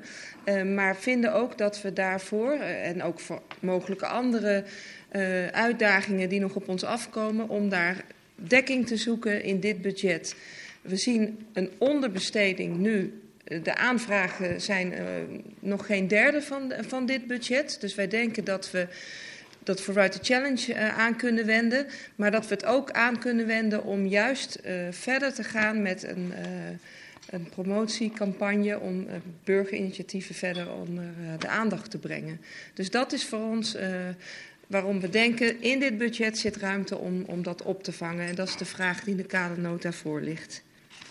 Um, Meneer Stormbroek, u vroeg naar uh, participatie. Staat u daar open voor om over de begroting te praten met de samenleving en daarin ook keuzes voor te leggen? Uh, gisteren hebben wij met een werkgroep gezeten die al een tijdje in de lucht is. Om uh, te praten naar aanleiding van de motie Maaltijd van Zeist. Om samen, het college en uw raad, na te denken over hoe wij de samenleving kunnen betrekken bij, bij de begroting. Um, we hebben daar een aantal sessies van gehad en de Grif Griffie is daarbij uh, betrokken. Die hebben ook een plan geschreven om uh, in wat bredere zin raad en samenleving met elkaar in gesprek te laten komen. Uh, dus daar ligt een plan voor. En we hebben dat gisteren met een tiental van u besproken. En pakken dat ook begin september na de zomer weer op om daar vervolg aan te geven. Dus ehm, de wens uit uw raad is er, maar het is nog niet concreet uh, besloten hoe uh, we dat precies gaan vormgeven. Dus daar komen we op terug. Dank u wel, wethouder Treep. Dan kijk naar wethouder Koendic. Ja, dank u wel, voorzitter. Uh, ik heb nou ja, één thema opgevangen in de vragen die zijn gesteld, en met, namelijk, met name over fietsen. Om, waarom dat niet in deze kadernota nadrukkelijk voorkomt. Um, dat is omdat we uh, vorig jaar, toen we bezig waren met de kadernota en de begroting, een, uh, ook in de begroting een groot aantal fietsprojecten hebben opgenomen. Waarvan we hebben gezegd, we gaan in 2019 heel wat onderzoeken doen wat kan, wat niet kan. Of we subsidies binnen kunnen halen. En de meeste komen dan in de uitvoering in 2020, 2021. En nou ja, in dit cyclus hebben we uh, ook raadsvoorstellen uh, die u hopelijk volgende week gaat vaststellen, uh, waarin een groot aantal fietsprojecten opgenomen is, die dus ook wel uh, verder kunnen komen. Uh, heel fietsplan vanuit het programma Verder ligt ook gewoon voor. en omdat we zo druk bezig zijn daarmee, hebben we op dit moment ook geen extra middelen nodig. Vandaar dat dat ook in deze kadernota niet voorkomt. Dank u. Dank u wel, wethouder Koendic. Ik kijk tot slot naar wethouder Dijkhuizen. Ja, voorzitter, dank u wel. Ik heb nog twee vragen staan van meneer uh, Sielke, eentje en van mevrouw Walraven uh, een vraag. Die gaan allebei over kosten, althans de staat van onderhoud, uh, verwachtingen. Meneer Sielke, ik begin bij u. U zegt eigenlijk heel concreet, wat zijn de kosten van het onderhoud voor het zwembad en, en, en hoe verhoudt zich dat een beetje in de tijd? Nou, allereerst, het zwembad is in 1990 gebouwd. En, en, die wordt keurig en goed onderhouden. De staat van het zwembad is in die zin uh, in goede staat. Maar aan alles komt een eind. En uh, dit zwembad is nu 30 jaar. en het is te verwachten dat er een moment gaat komen dat je daar wat meer onderhoud aan moet gaan plegen. Dan wel dat je zegt, nou, misschien moeten we nu maar eens voor een grootschalige renovatie gaan kiezen. Of in die zin. Betekent ook dat we met elkaar misschien op een moment gaan komen, dat is nog niet uh, heel dichtbij, maar dat hoeft ook niet heel lang te duren. Dat is een kwestie van een aantal jaren, schatten wij in, dat wij ons echt met die vraag bezig moeten gaan houden. Uh, in 1990 waren de uh, wet en regelgevingen heel anders dan, dan tegenwoordig. Dus je zit ook daarmee, je zit met de verduurzaamheidsopgave. Dus al met al zit je over een aantal jaren echt met een met een, met een uitdaging waarvoor wij in dit huis niet gespaard hebben. Dus ook daar is niet een systematiek voor uh, uh, uh, ingesteld. Um, en, en daar moeten we dus nu over na gaan denken, want als je dat nu niet doet, dan ben je over een aantal jaar, als het echt zover is, te laat. Uw concrete vraag, wat kost dat nu dan het onderhoud, daar heb ik geen antwoord op. Dat zou ik als een technische vraag moeten zien, voorzitter, want dat weet ik simpelweg niet. Maar ik probeer u het beeld te schetsen voor de toekomst. Dan neem ik, eh, neem u mee naar mevrouw Walraven, wou ik zeggen, maar dat is niet nodig. Ga ik naar mevrouw Walraven. Mevrouw Walraaf, u vraagt eigenlijk hoe zit het eigenlijk met het Griffland College. Nou, het Griffland College, en ik heb daar vandaag nog eens over nagedacht, is in 1973 gebouwd. Dat is best al heel wat jaren geleden. Velen van u zijn er misschien zelf op geweest, ik weet het niet, ik niet in ieder geval. Maar 1973, dat betekent dat het 43 jaar eh, geleden is dat we het eerste deel van het Griffland College hebben opgebouwd. En door de jaren heen is het Griffland gegroeid en is er om de kern een, een schil omheen gebouwd.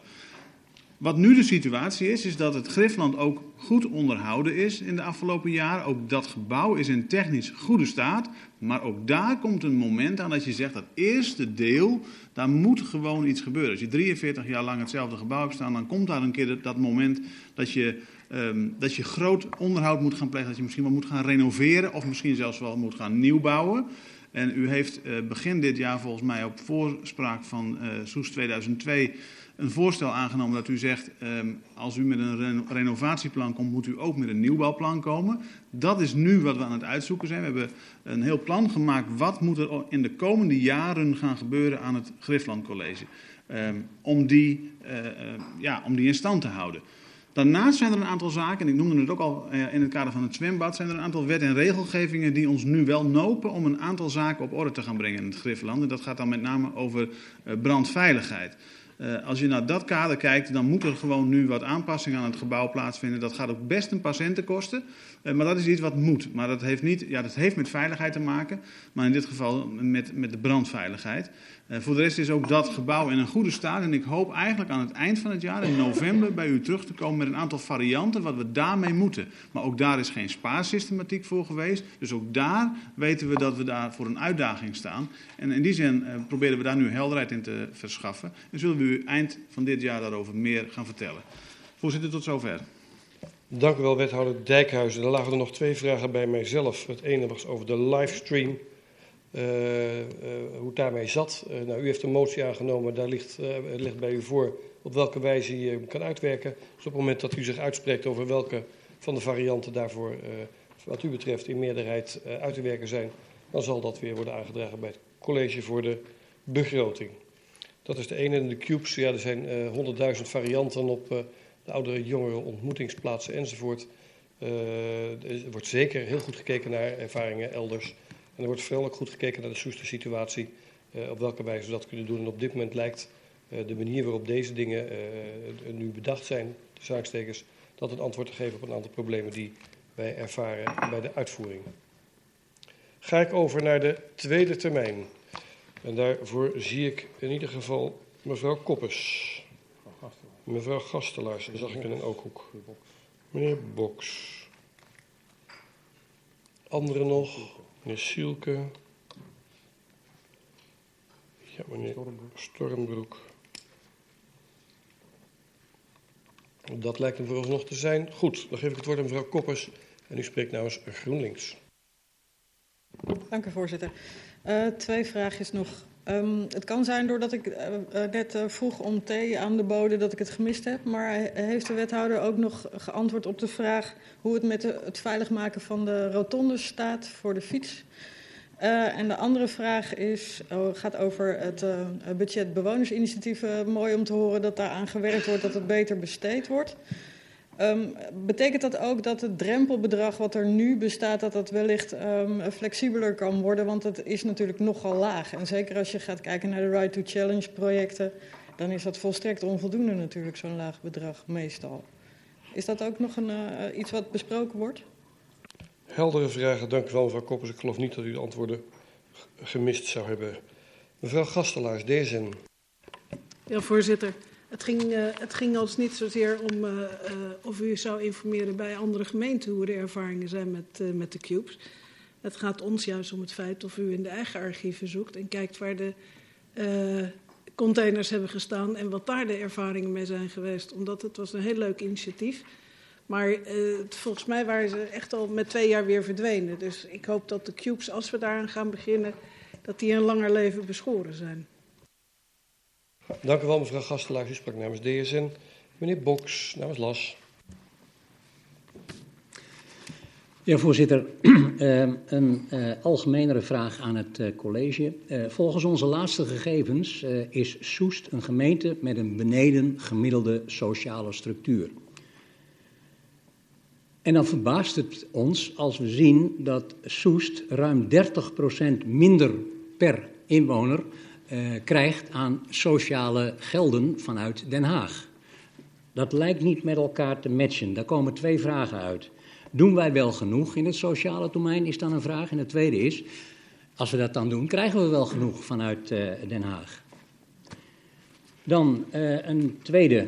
Vorige week hebben wij een uitnodiging gekregen van het college om te komen spreken over de financiële problemen waar wij voor gesteld zijn nu de mei-circulaire uitgerekend is.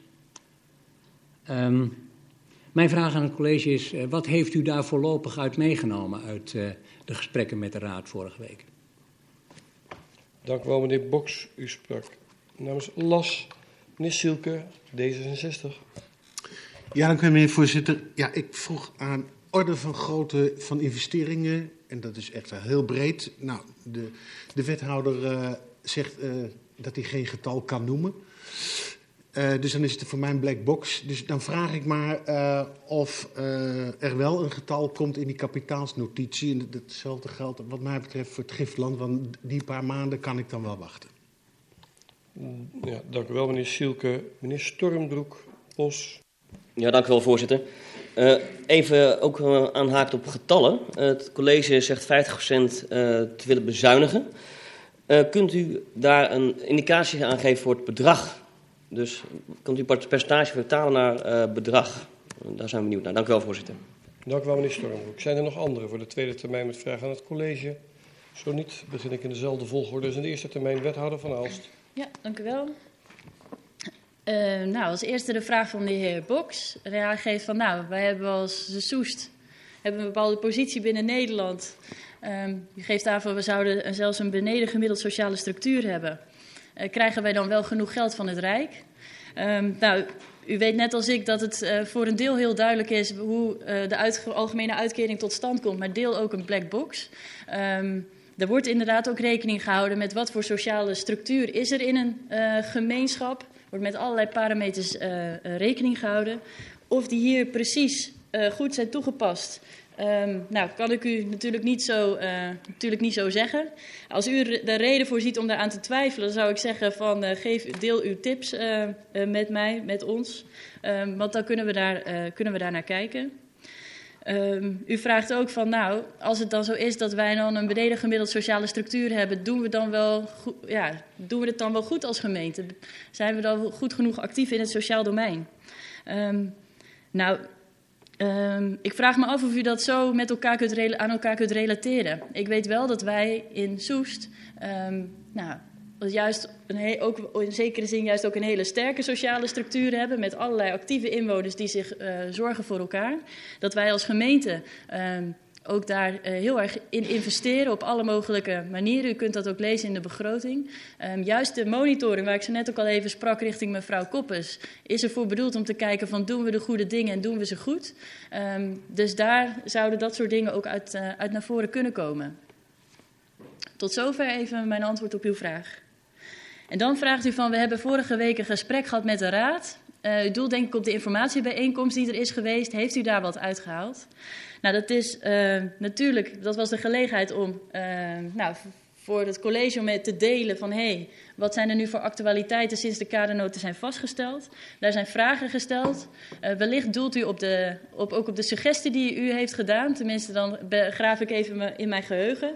Waarin u aangaf van, hey, zouden we niet wat meer gebruik kunnen maken van onze leen, leencapaciteit...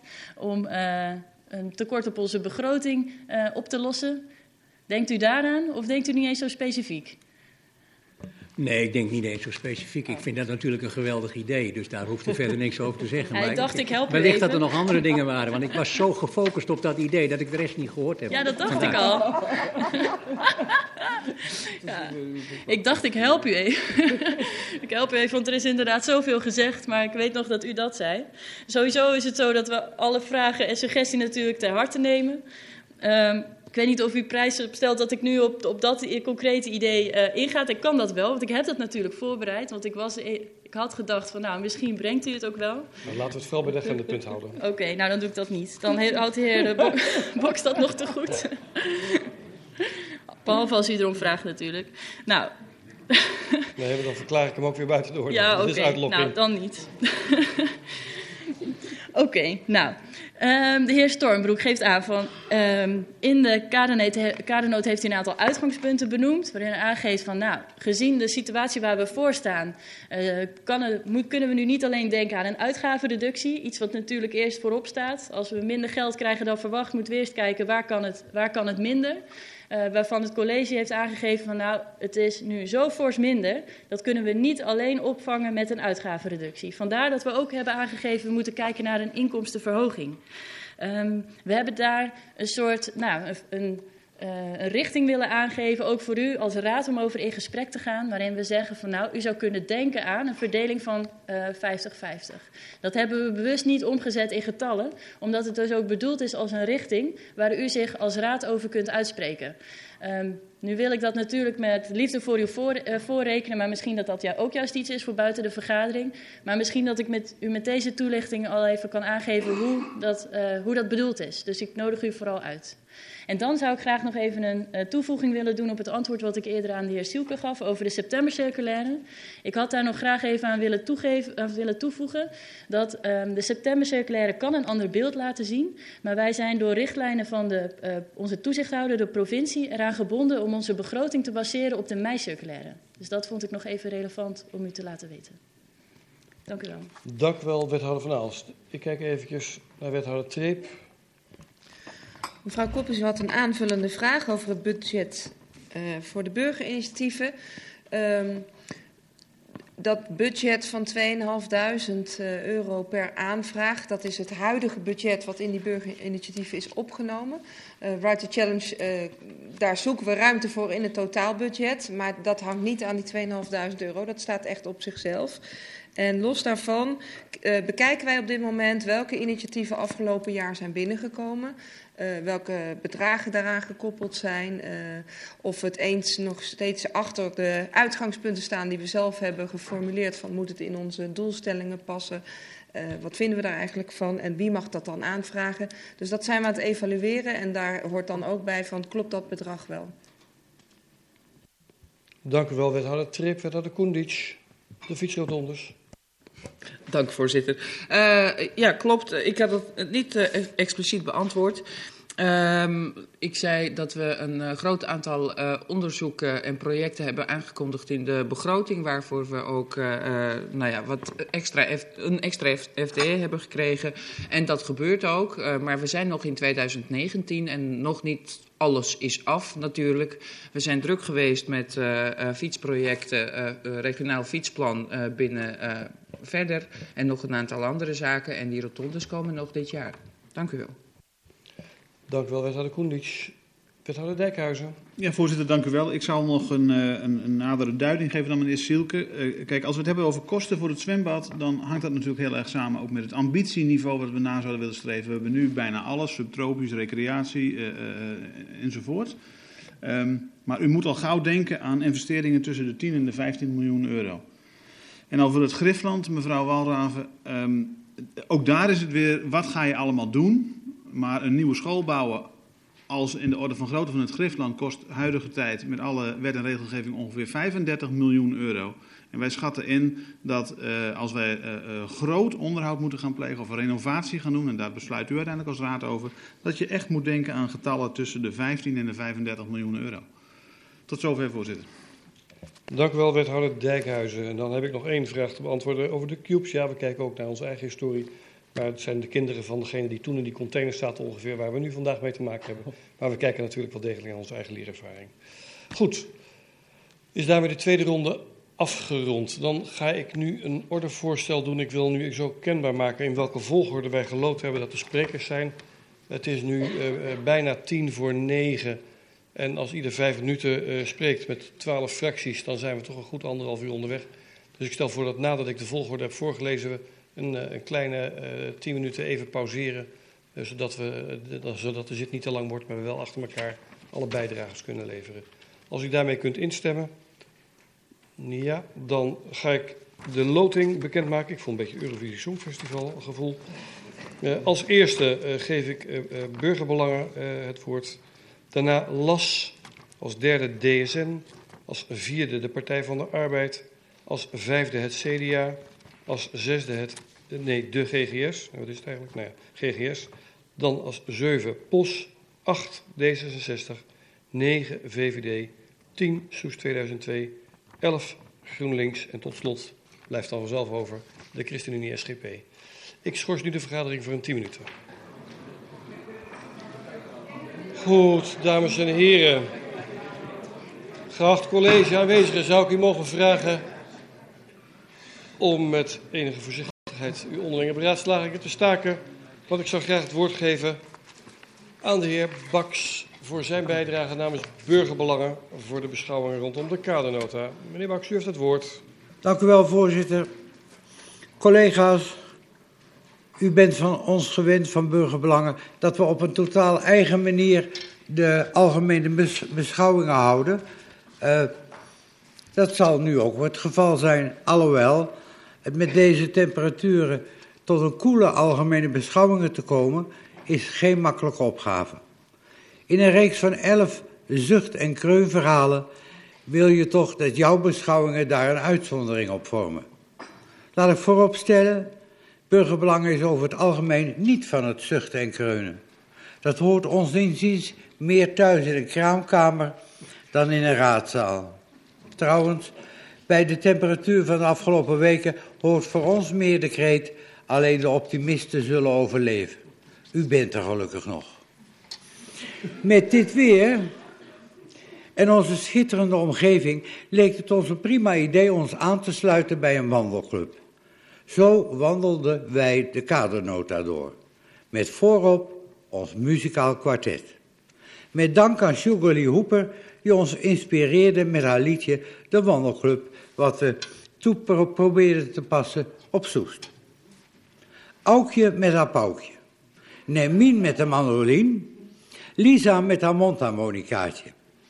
Harry met zijn luidje. Moet ik zijdelings bij zeggen, ik had een andere beginletter gedacht. Maar in het kader van het LHBT-beleid is het maar luidje geworden. Want burgerbelangen wil u niet bij het begin van deze beschouwingen op dubbelzinnige gedachten brengen. Goed, Harry dus met zijn luidje. Je moet het stel eens zien, op zoek naar een miljoen, op zoek naar een miljoen, op zoek naar een miljoen of twee. Met het muzikaal kwartet voorop lopen wij mee in de stoet wandelaars. Om ook wat aerobic oefeningen te doen, gaan we soms via hink-stap-sprongmethode door de kadernota heen. En laten wij daar niet tot de snelwandelaars horen, de rol als bezemploeg lijkt ons ook niet onaangenaam. Je kunt dan nog eens oprapen wat anderen over het hoofd zagen. Zo vegen we mee naar de 2 miljoen. Ieder draagt zijn of haar steentje bij. Ieder naar vermogen. Maar voor de duidelijkheid, voorzitter, een verhoging voor de, van de OZB is voor ons een stap te ver. Wel doen we een jubelsprongetje bij het lezen van bladzijde 25. De pauk kan een roffel laten horen. Onze lang gekoesterde wens lijkt in vervulling te gaan. Een verkennend onderzoek naar de mogelijkheden om de hondenbelasting geheel of gedeeltelijk af te schaffen. Het zal voor het eerst in 14 jaar zijn dat we daar geen motie over hoeven in te dienen. Maar waarom eerst een onderzoek naar de mogelijkheden, vragen we ons af. Je maakt een keus en die werk je uit. Zo makkelijk is het toch? Burgerbelangen vindt dat we in Soest wel erg snel naar het middel van onderzoek grijpen. Wellicht in het kader van besparingen kunnen we hier eens kritisch naar kijken. Of doen we dat ook met een onderzoekje? Op dit punt begint een blaar te zwellen. We moeten ons tempo aanpassen. Willen we de EHBO-post met een blaarprikpunt kunnen omzeilen. De hulpverleners op het prikpunt zijn bekend. Zuster van Walraven en de ziekenbroeders Pauw, De Wilde en Sielke. Zij zorgen ervoor dat de ploeg in het geheel blijft lopen en verrichten eerste hulp bij onoverkomelijkheden. Ja, wij zijn het met het college volledig eens dat we verwachten dat we in oktober een sluitende begroting krijgen. Het geschetste proces in paragraaf 3.42 heeft onze instemming. Lopen langs het programma Wonen, moet ons allereerst van het hart dat we ons zorgen maken over de hoogte van de huren. Met name in Soesterberg Noord. Als het middensegment begint met huizen vanaf 950 euro, kale huur per maand, zit daarvoor hen die van een modaal inkomen afhankelijk zijn, weinig muziek meer in. Bouwen we alleen voor de hoge inkomens? Hier krijgt ons muzikaal kwartet een noodgedwongen rustpauze. Een dodemars zou op zijn plaats zijn. En dan heeft alleen de pauk een solo. Ook de aanpassingen van, het van de woonwagenstandplaats aan de Meent naar aanleiding van de brandveiligheidseisen, is iets wat Burgerbelangen drie jaar geleden al bij de toen verantwoordelijke wethouder onder de aandacht heeft gebracht. De huidige situatie is duidelijk in strijd met de eisen, met name de afstand tussen sommige wagens. Fijn dat u er extra aandacht aan besteedt en een projectgroep ermee bezig is. We begrepen dat er al diverse bezoeken op het kamp zijn afgelegd. De vraag rijst dan, op welke termijn zou de Raad over de eerste bevindingen kunnen worden bijgepraat? Overigens, de rustpauze voor het kwartet is voorbij, voorzitter. De pauk, de mandoline, de mondharmonica en de luid mogen weer hun vrolijke klanken oppakken. Bij slecht weer kan het kwartet gebruik maken van een cube, de gekrompen muziektent van het GGS-initiatiefvoorstel uit de vorige raadsperiode. Voorzitter, er valt meer te zeggen, maar daarvoor zijn deze, deze vijf minuten te beperkt. Oh ja, nog één ding. Participatie staat hoog in het vaandel van de hele raad. Hoe kan het dan toch dat het managen van de verwachtingen bij de avond over de oude tempel aan vorige week zo verkeerd is ingeschat? Een training over dit onderwerp mag wat ons betreft meegenomen worden in de begroting. Vorig jaar eindigde, eindigden wij met een uitspraak van Tone Hermans over politiek. Die zei, alles wat we gezegd hebben, had net zo goed niet gezegd hoeven worden. We zijn er toch geen bas mee opgeschoten. Dit jaar zijn we wat positiever. Burgerbelangen wenst u en de betrokken ambtenaren wijsheid en nuchterheid toe bij het opstellen van de begroting 2023 en zien het resultaat van die inspanningen met buitengewone interesse tegemoet. Dank u wel, meneer de voorzitter. Dank u wel, meneer Baks. Namens Burgerbelangen uw bijdrage voor deze beschouwing. Geef ik het woord aan meneer Boks en hij spreekt namens LAS.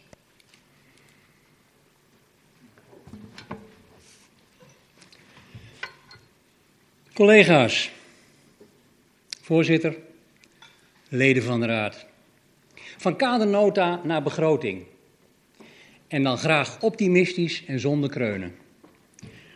Velen zullen het hebben over grote tegenvallers en hoe dit in de begroting op te lossen. Las is van mening dat er een oplossing moet komen waarbij de absurde uitwerking van een verouderd en pervers systeem buiten onze jaarlijkse begroting kan blijven. Omdat wij bij de rijkste gemeente van Nederland behoren, liggen er voor ons mogelijkheden.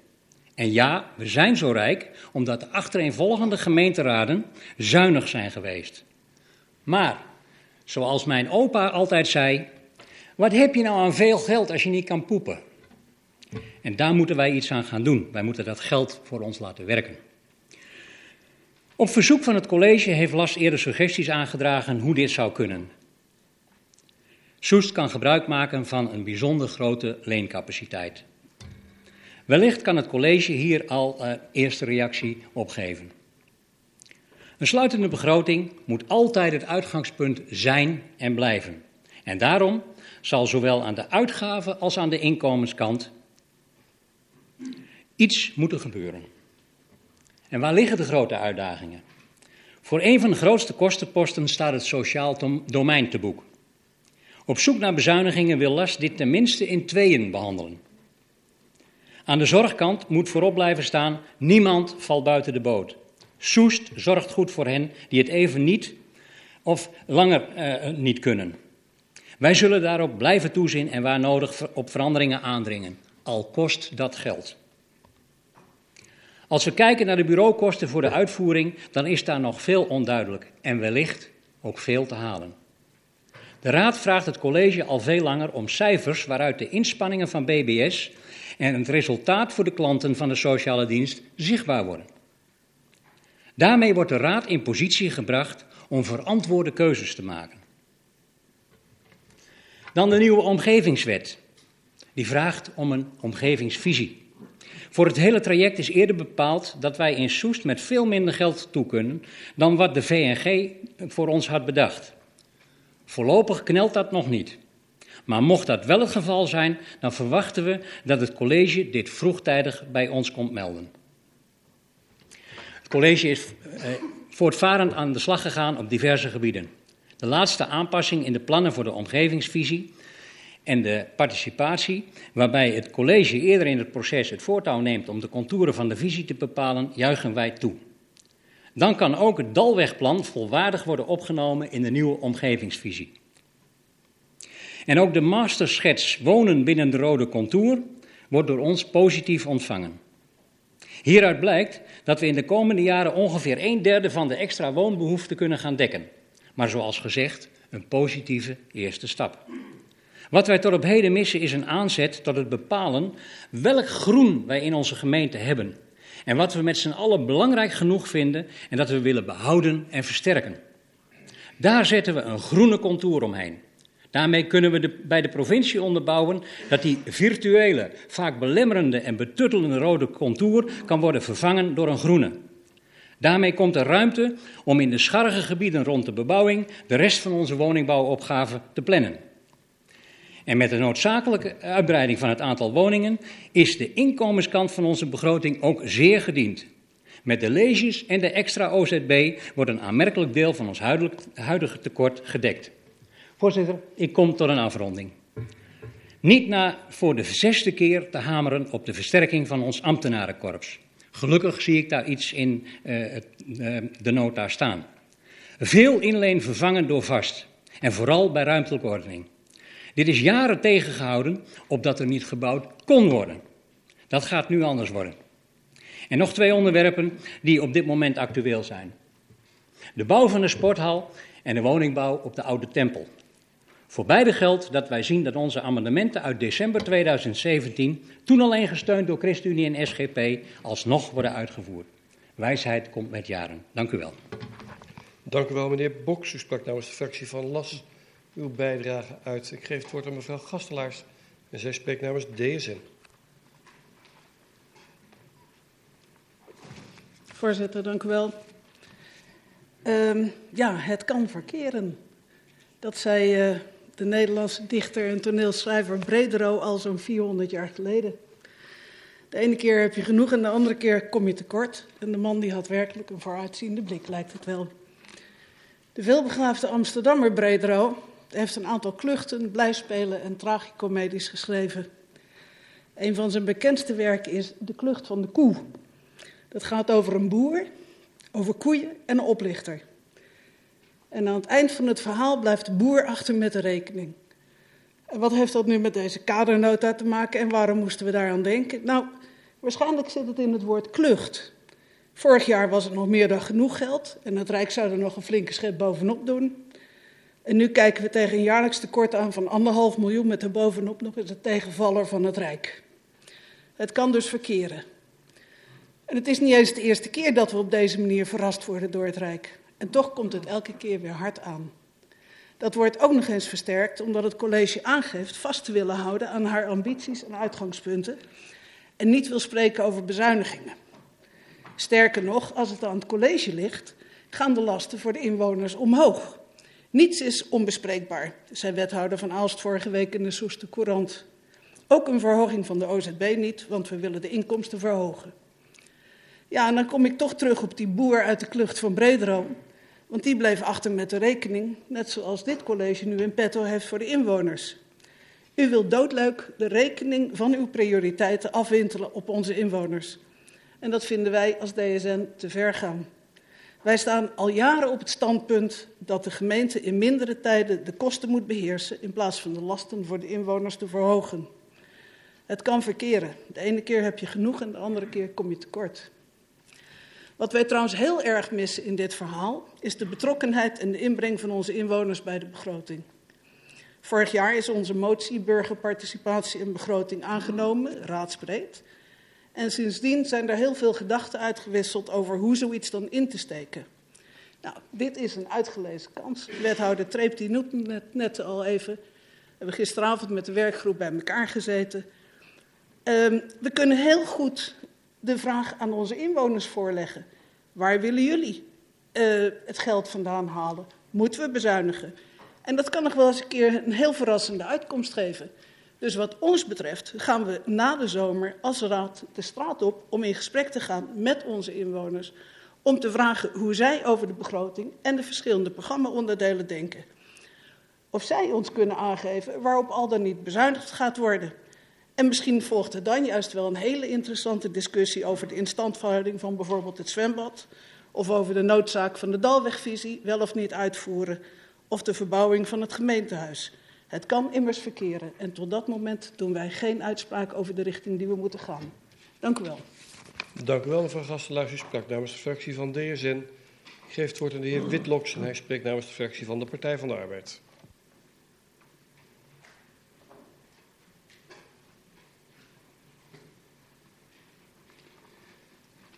Dank u wel, voorzitter. Geachte collega's, college, aanwezigen en luisteraars. Op dit moment ligt de vraag voor of wij als raad kunnen instemmen met een drietal voorstellen voor de nieuwe kadernota. De financiële uitgangspunten, het procesvoorstel en een nieuwe programma-indeling. Om er met het laatste en makkelijkste te beginnen, ja, de PvdA vindt dat we ons in die nieuwe programma-indeling kunnen vinden.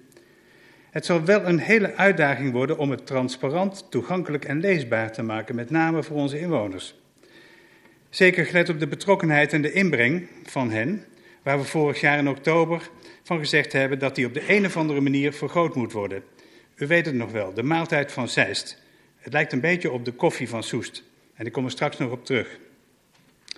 Dan de financiële uitgangspunten en het procesvoorstel.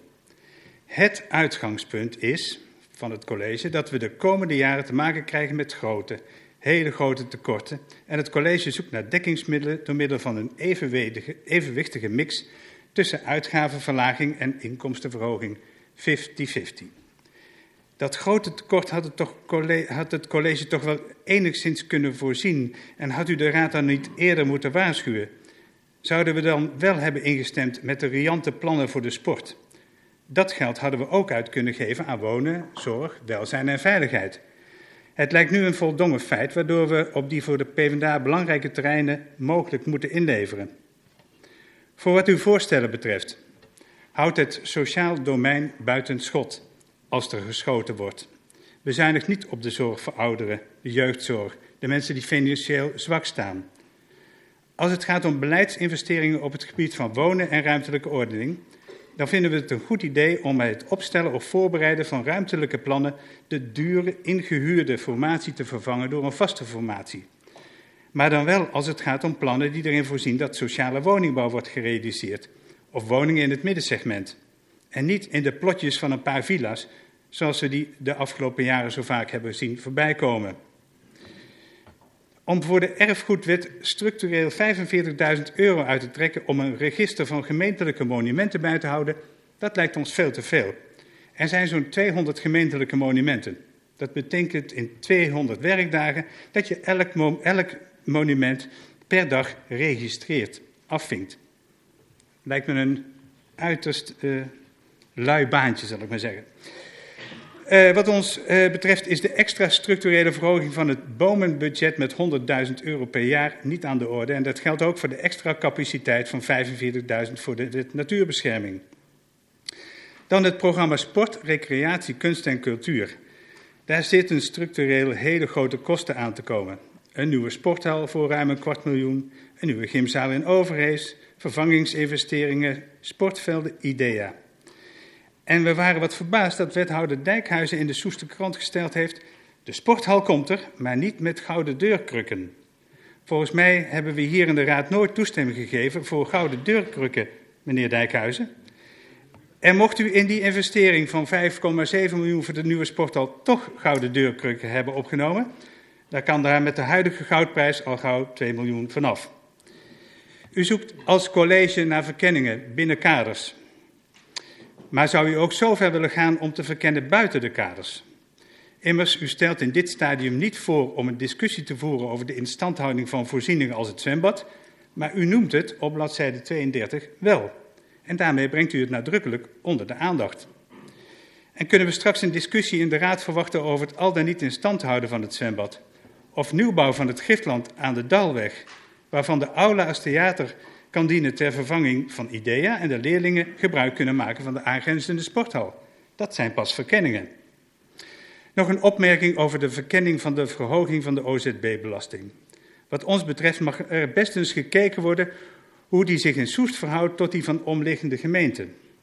Onze eerste verkenning wees uit dat die zo'n 10% lager is in Soest. Maar mocht er serieus over een OZB-verhoging nagedacht worden, dan moet die voor de PvdA alleen ten goede, komen, ten goede komen aan zorg, welzijn en betaalbaar wonen. Dat begrijpt u. En als de OZB voor bedrijven omhoog zou gaan, mogen maatschappelijke instellingen daar niet de dupe van worden. Geen zorggeld naar een ondernemersfonds. Nog een laatste woord over de inbreng van burgers op onze en hun begroting. Wij hopen van ganser harte dat ook burgers mee mogen denken en suggesties mogen aandragen bij dit moeilijke proces van keuzes maken met betrekking tot bezuinigen, inkomstenverhogingen en prioriteit stellen. Ik heb nog wat tijd om over de PM-post te zetten, maar die hou ik liever voor me. Dank u.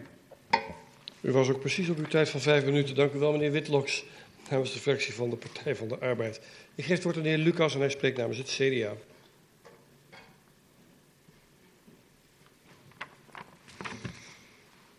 Voorzitter, dank. Het CDA is vereerd, zeer vereerd over de uitnodiging van dit college om hen te helpen. Een college dat zich in grote financiële problemen heeft gemanoeuvreerd. En ja, we krijgen van het Rijk minder, minder geld dan we dachten, maar u, college, u houdt de verantwoordelijkheid ons een sluitende begroting aan te bieden. En met de dreiging van miljoenen tekorten moeten drastische keuzes worden gemaakt.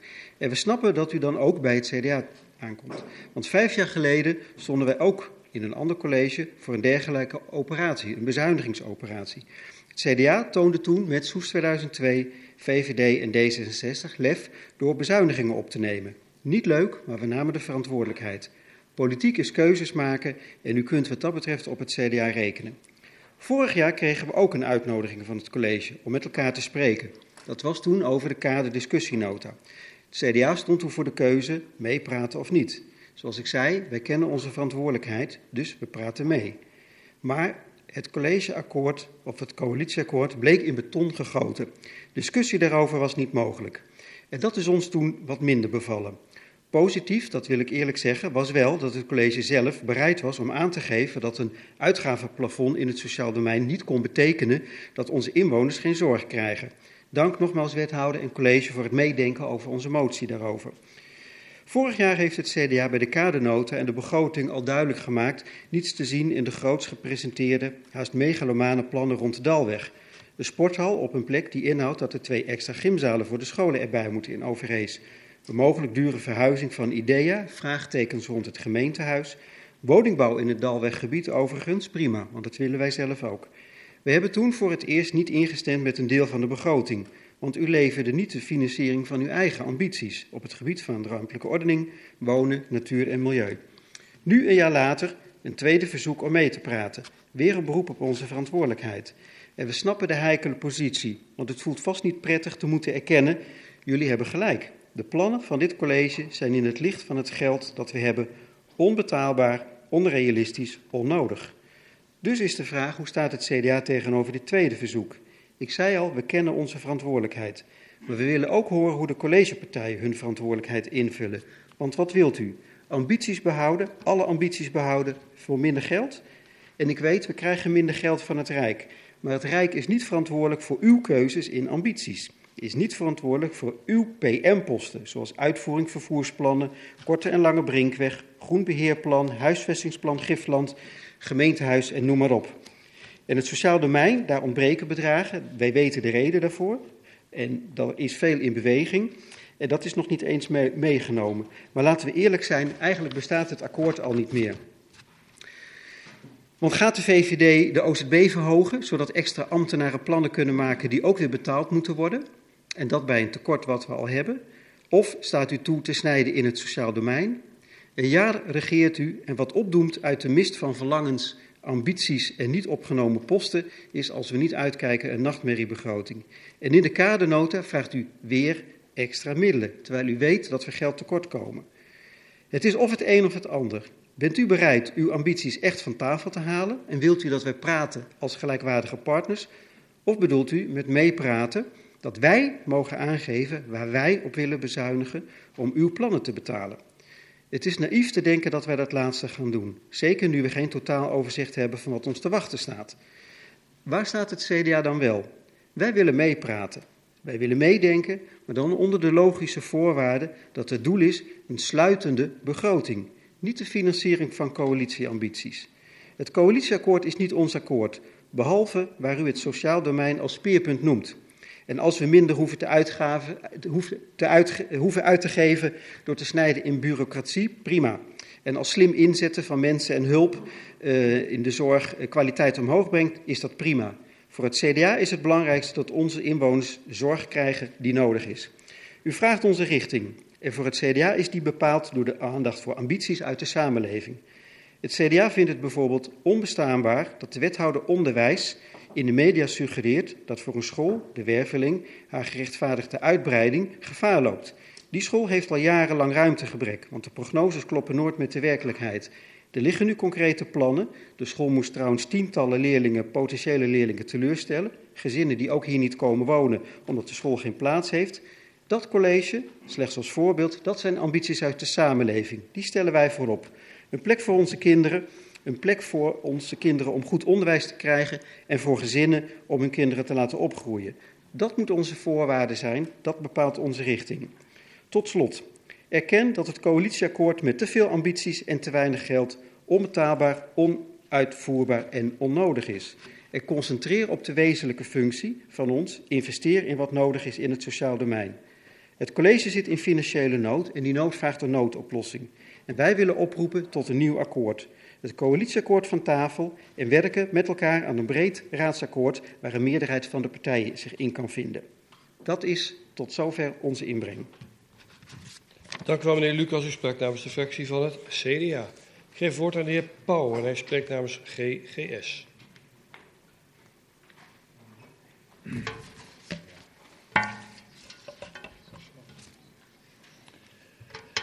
Voorzitter, het is erg onrustig in gemeenteland. Veel gemeenten komen erachter dat de inkomsten uit het gemeentefonds de komende jaren gaan dalen. Ook wij als gemeente Soest ontkomen er niet aan om te gaan bijsturen. De kadernota 2020 geeft een structureel tekort van circa 1,6 miljoen.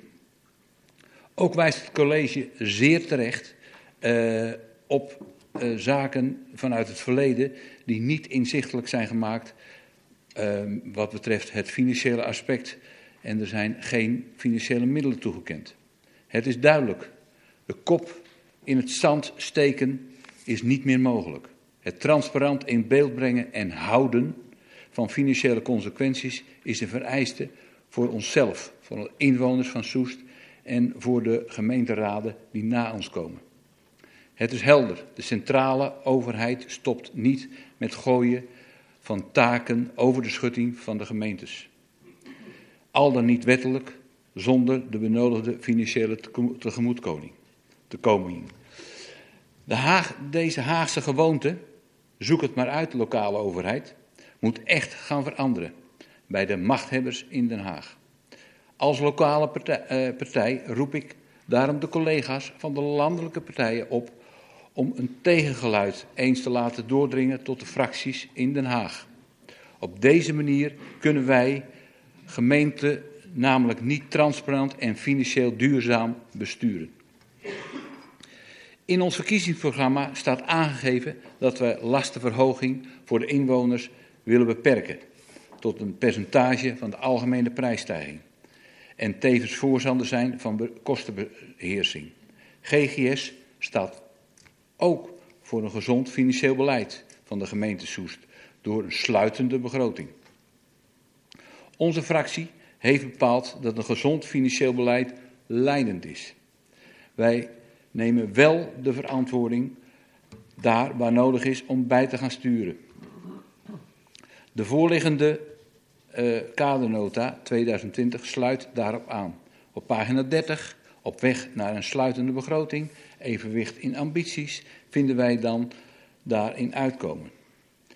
Het meerderheidsjarenperspectief, uh, meerjarenperspectief moet realistisch zijn van cijfers uh, en onze verplichtingen in beeld brengen, zodat we de verwachtingen transparant kunnen weergeven. Wij hebben een aantal zorgen die wij, die wij willen uh, delen met u. Dat zijn de volgende. Uh, een paar jaar, per jaar heeft de gemeente Soest bijna uh, 115 miljoen euro uit. Hiervan gaat zo'n beetje 47 miljoen naar de sector zorg en welzijn. Wij moeten bijzonder aandacht geven aan deze uitgaven voor zorg en welzijn. De verwachting is dat het gaat stijgen. Op dit moment beschikken wij nog over reserves. Maar on, bij ongewijzigd beleid zal de bodem hiervan snel in zicht zijn. Hierdoor wordt de begroting verder uitgehold. Voor inwoners die echt afhankelijk zijn van onze hulp. Moeten er altijd voldoende uh, financiële middelen beschikbaar zijn. Daarom kijken we uit naar, uh, om te kijken naar het voorzieningenbeleid. Nu ontbreekt ons nog het exacte inzicht om alle activiteiten van het sociaal domein te beoordelen. Wij, hebben, uh, wij willen weten hoe de huidige inzet en van alle activiteiten het beoogde resultaat oplevert. Juist deze informatie zit onze fractie te wachten. Wij vernemen dan ook graag van het college wanneer we deze broodnodige informatie ontvangen. Daarnaast vragen wij het college ook of zij kan aangeven hoeveel tijd er uh, gaat verstrijken als de raad een goedkeuring krijgt om bijsturing. Dat je dat kan zien in het financiële perspectief. We zouden zeggen slim bezuinigen met het oog voor groene kernwaardes van Soest. Onze fractie wordt regelmatig benaderd door inwoners met vragen en opmerkingen over het onderhoud van hun woonomgeving. Gevraagd wordt of het groen niet beter en intensiever kan worden onderhouden. Uh, hieruit blijkt dat inwoners gesteld zijn op een goed onderhoud en groene woonomgeving. Wij bepleiten daarom hou vast uh, aan zoveel mogelijk ecologische groenbeheer. Juist ten behoeve van de leefbaarheid van onze inwoners en de biodiversiteit.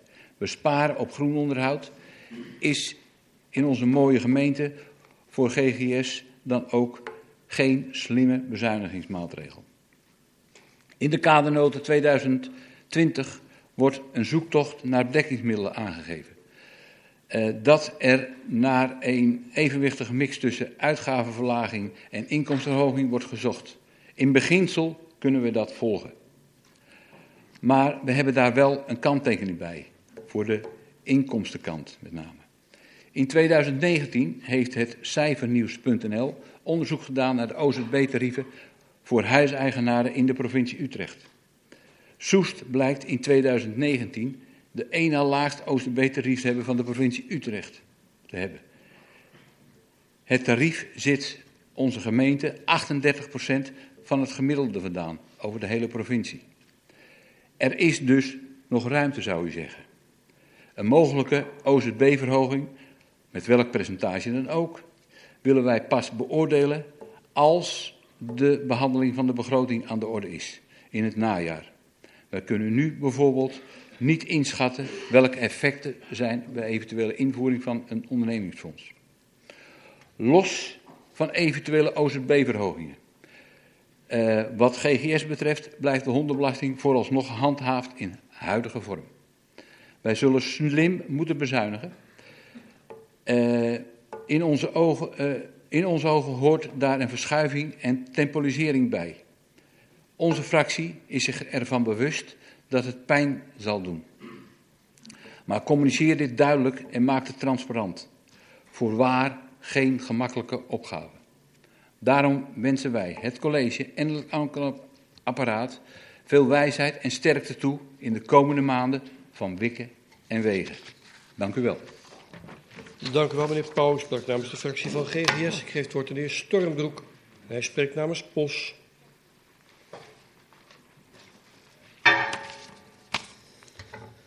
Ja, dank u voorzitter, collega's. Tja, wat moeten we nu eigenlijk zeggen? POS was vorig jaar de enige partij die de moed had om tegen de begroting te stemmen. Dat was niet zonder reden. Tijdens de behandeling van de begroting hadden we het over de gelijkenis tussen het college en de autoliefhebber.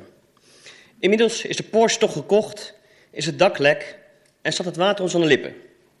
Dweilen heeft al geen zin meer en we moeten nu driftig op zoek naar geld om het dak te repareren. Alleen is dat geld er niet. Het Rijk geeft namelijk minder geld aan gemeentes dan het college had gedacht en gehoopt. Wethouder Treep zei in de Soester Courant dat de inhoud van de meicirculaire, kort gezegd de zak met geld van het Rijk, zich net zo moeilijk laat voorspellen als het weer. De meteoroloog van POS hebben vorig jaar wel voorspeld dat slecht weer op komst was. Had naar ons geluisterd. Nu zitten onze inwoners met een nat pak. De leuke dingen die wethouder van Aalst vorig jaar wilde doen, blijken een sigaar uit eigen doos. Want er stelt voor om 50% van het tekort te dekken door te bezuinigen en voor de overige 50% de OZB en wellicht de bouwlezen te verhogen. POS gaat hier niet mee akkoord. U heeft namelijk zelf gegokt op mooi weer. Onze inwoners hoeven nu niet de paraplu voor u op te houden, nu blijkt dat het toch regent. Het is namelijk leuk als je ambities hebt, maar als je het geld niet meer hebt om die waar te maken, moet je ze wellicht bijstellen. Ik ben zelf bijvoorbeeld prima tevreden met mijn Skoda Fabia, maar zou ook best die Porsche willen. Is dat realistisch? Nee. Ik heb het goed, maar een Porsche is te hoog gegrepen. Zeker omdat ik wel rekening houd met slecht weer en graag wel een buffer wil overhouden om een lekkage aan mijn huis te kunnen repareren. Het zou moedig en verstandig zijn als u sommige ambities ter discussie wilt stellen. Ook die uit het coalitieakkoord. Als het uw eigen gezin en uw eigen huis kapot gaat, zou u hetzelfde doen. Ik rijd u overigens met liefde in mijn Skoda Fabia naar Den Haag om minister Longren te vragen om meer geld. U mag kiezen. Met mij naar Den Haag rijden of snijden in uw ambities. Kiest u het eerste, dan hoor ik graag een concreet voorstel voor een datum. Zo snappen we heus wel de behoefte om van het gemeentehuis een huis voor de samenleving te maken. Het wordt nu niet voor niets door veel mensen het IJspaleis genoemd. Misschien moeten we er dan ook maar voor kiezen om ons paleisje aan de Dalweg een dagdeel in de week te sluiten, bijvoorbeeld op maandagochtend.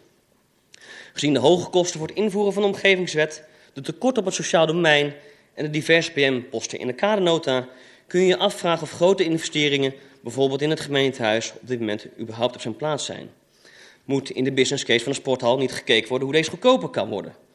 Door geen gouden deur aan te schaffen voor de sporthal gaat u het financiële gat niet dichten. Bijzonder te vernemen dat wethouder Dijkhuizen het eerst wel besteld had. Daarmee komen we eigenlijk op de hamvraag. Wat zouden Soesters zelf willen? Durven echt in te zetten op participatie en gebruik ook uw, overigens goede, instrument to Challenge hiervoor. Als mensen anders denken of iets anders beter kunnen, gebruik het in uw voordeel. Misschien dat inwoners en bedrijven, net als bij VVH's, wel zelf de handschoen kunnen oppakken en mee willen helpen aan besparingen. Zou het Griffland niet mee willen denken bij hun verbouwingsplannen? Kunnen we gelijk iets doen aan het meer betrekken van jongeren bij politiek? Meer gebruik maken van de kracht van onze inwoners en betrekken zou een echt speerpunt moeten zijn. Voor ons allemaal. Oplossingen en ideeën komen soms uit onverwachte hoek. Gooi de deur niet dicht voor uw gemeenteraad en samenleving, maar zet hem wagenwijd open. Hierbij ontvangt u onze kaders. Van u verwachten we in het najaar een sluitende begroting die niet ten koste gaat van onze inwoners. Dank u wel, voorzitter. Dank u wel, meneer Stormbroek. U sprak namens de fractie van POS. Ik geef het woord aan de heer Sielke. Hij spreekt namens de fractie van D66.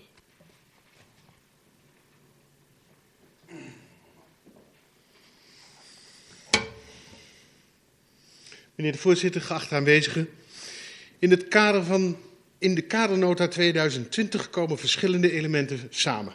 De drang om zaken op orde te brengen en de voortdurende verminderde rijksbijdrage. Maar ook de ambitie van deze coalitie om Soest financieel gezond te houden. Met een duurzame begroting, zicht op een nog mooier dorp en klaar voor de energietransitie. Op zijn minst een uitdaging. Reeds in de vorige bestuursperiode is de weg ingezet om zaken op orde te brengen. Veel zaken waar de gemeente voor het beheer en onderhoud gesteld staan, zijn in het verleden financieel niet goed geborgd. De fractie van D60 is daarom blij dat ook dit college zijn nek uitsteekt en de ingezette weg voortzet. Een totaal beeld over de financiële gevolgen ontbreekt nog, maar de urgentie om de problemen structureel aan te pakken is wat deze zeft betreft evident. Kijken waar en hoeveel we kunnen bezuinigen is daarbij een noodzaak. Behalve bezuinigingen zullen we ook extra inkomsten moeten genereren.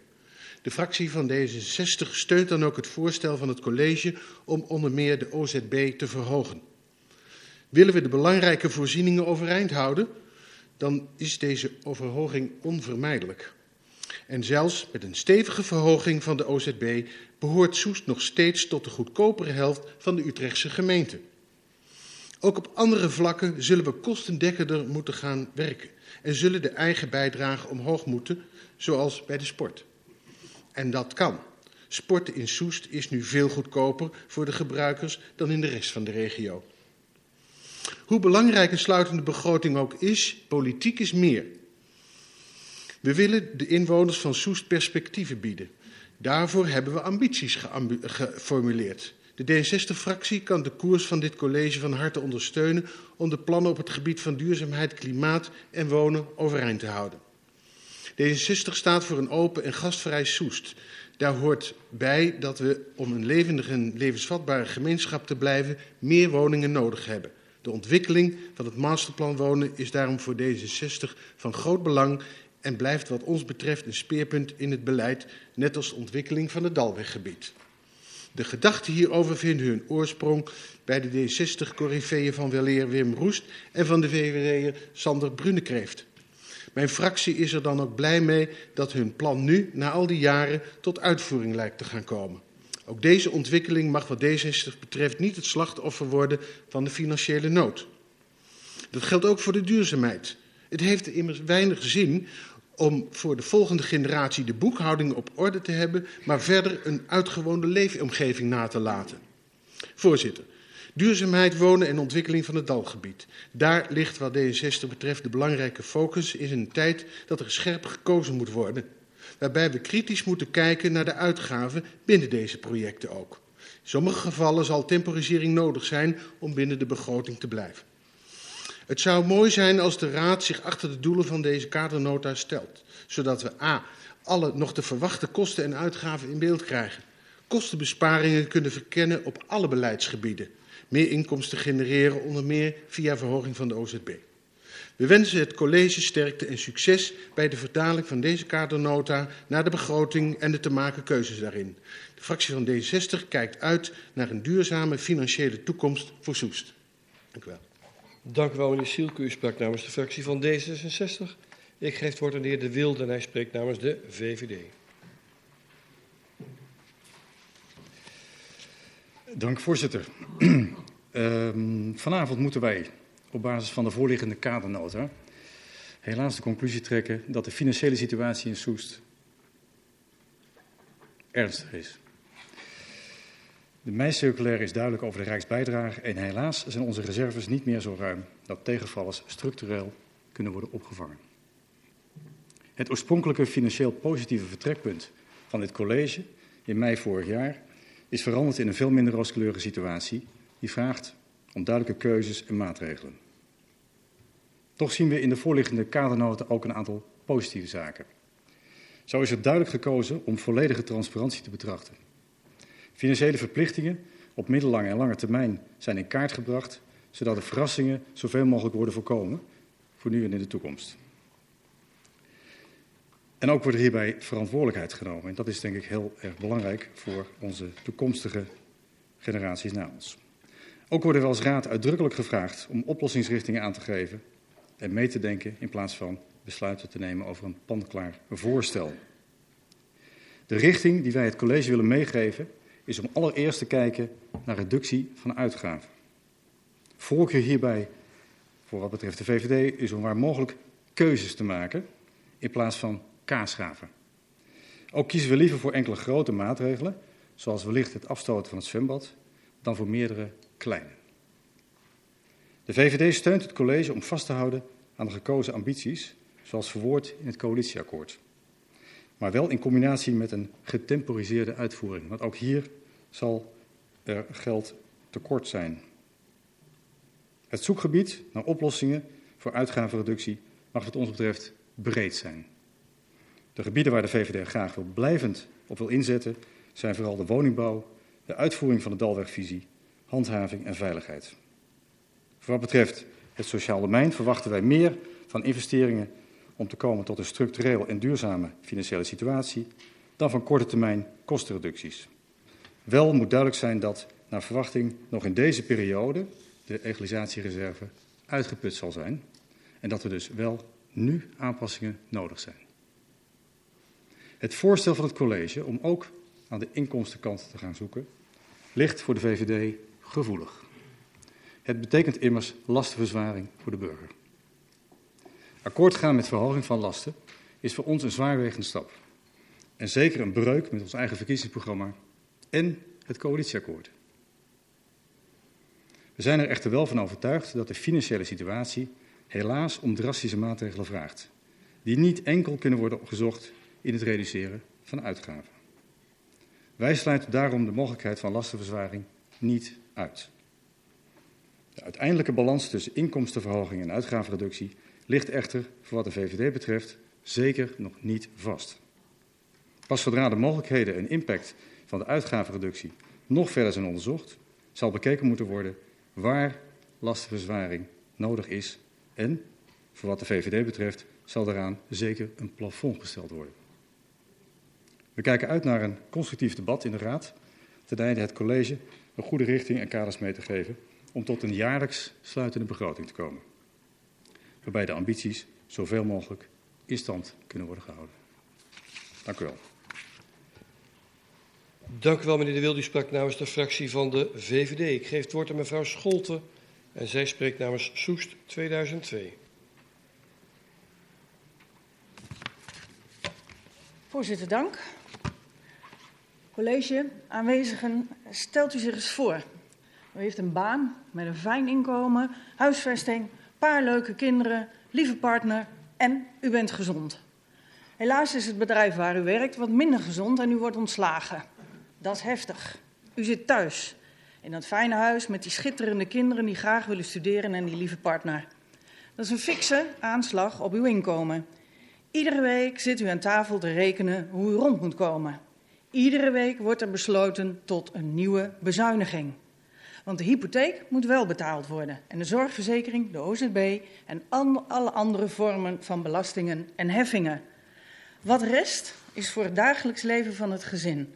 Waar de glans dan wel een beetje van af is. Maar het gezin blijft wel draaien.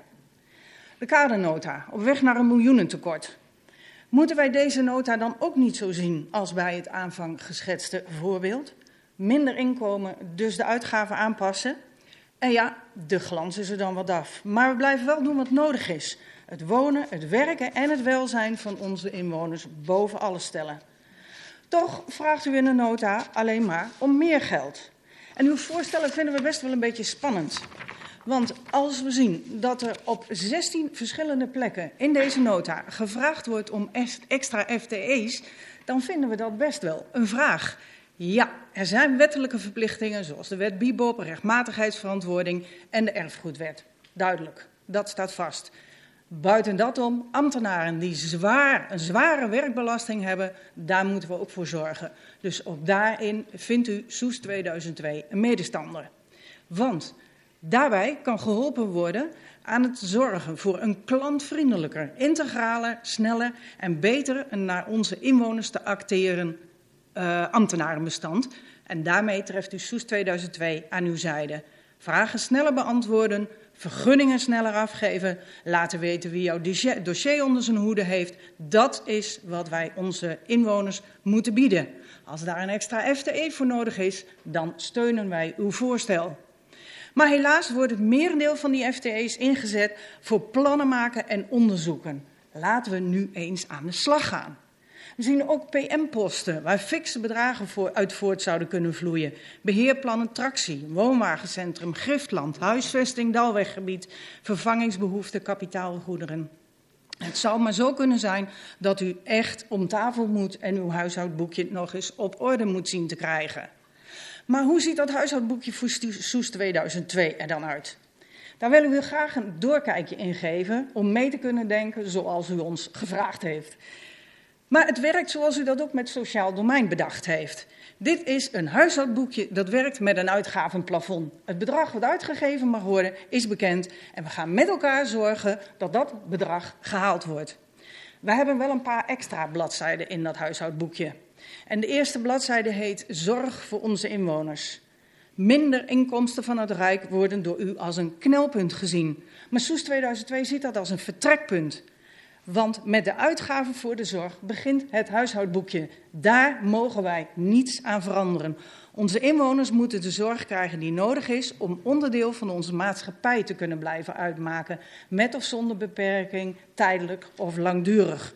Zorg nodig hebben is al erg genoeg. Het karige maken of zelfs laten verdwijnen van voorzieningen die onze inwoners kunnen helpen zelfstandig te kunnen blijven wonen en onderdeel te laten zijn van onze maatschappij mag niet.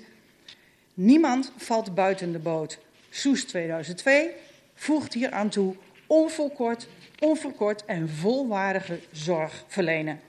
Maar we hebben nog een pijler in ons huishoudboekje en dat is het wonen het masterplan wonen. Daarvoor heb ik eens even uh, in Wikipedia opgezocht wat masterplan eigenlijk betekent. Dit is een stedenbouwkundige visie waarin het programma van eisen, dat wat in het gebied gerealiseerd moet worden, nader uitgewerkt wordt aan de hand van ruimtelijke concepten en een eerste ruimtelijke uitwerking krijgt. Mooi, dan hebben we wat. Daar ziet Soes 2002 best wel geld naartoe gaan hebben we eigenlijk een masterplan wonen. We hebben een vlekkenplan gekregen waarin niet aangegeven wordt wat de visie is op het gebied waar al die prachtige mooie stippels staan. Wel aantal woningen, maar geen doelgroepen benoemd. En ook niet een eerste ruimtelijke uitwerking. Gaat u aan de slag. Gebruik die FTE's om hier daadwerkelijk wat mee te gaan doen. Soes 2002 hield een poll op Facebook. We doen heel modern, maar het heeft ook goede dingen opgeleverd. We vroegen welke voorzieningen er op de Dalweg moesten komen als je daar wilde gaan wonen. Het was een meerkeuzevraag. En de laatste keuzemogelijkheid was: maakt me niet uit wat er komt als ik er maar woon. Inderdaad, dit antwoord werd de winnaar, ruimschoots de winnaar in de antwoorden. Een woonbehoefteonderzoek zoals dat nu loopt lijkt dan bijna overbodig. Onze inwoners, de kinderen daarvan en zelfs hun kleinkinderen willen wonen, willen hier wonen. Bij u, bij ons in dit prachtige dorp. De prachtige dorpen, sorry, Pos. Daag de projectontwikkelaars eens uit. Help met hen bedenken wat kan. Want ons groen is waardevol. Dat hebben we nodig met elkaar om fijn te kunnen leven. Maar er zijn zoveel mogelijkheden. Groene gevels. Maak een gebouw waar een groene gevel is. U trekt het groen wat we allemaal nodig hebben in het gebouw en naar het gebouw. En weet u wat zo leuk is? Heeft u wel eens nagedacht over verticale soesterduinen? Prachtig wonen, extra woongelegenheid, wat extra OZB oplevert. Waar Soes 2002 een tegenstander is van het verhogen van die OZB, kunt u dat halen uit het bouwen van nieuwe woningen. Overigens, die lastenverzwaring voor onze inwoners komt er al. Een brief naar de staatssecretaris heeft aangetoond dat de OZB voor 2020 tussen de 8 en de 10 procent zal stijgen in verband met de waardevermeerdering van de woningen. Dat is voor inwoners al een lastenverzwaring en voor u extra inkomsten.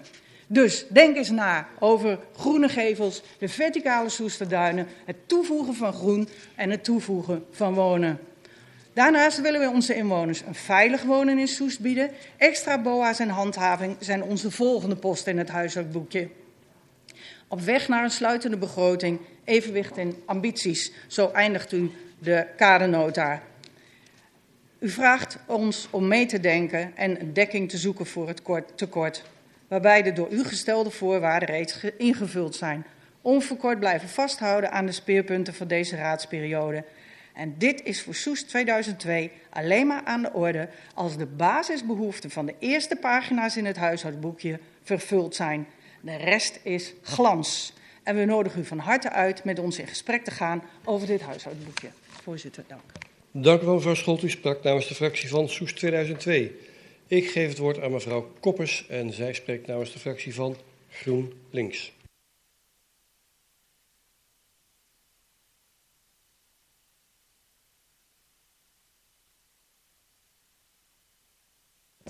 Zo.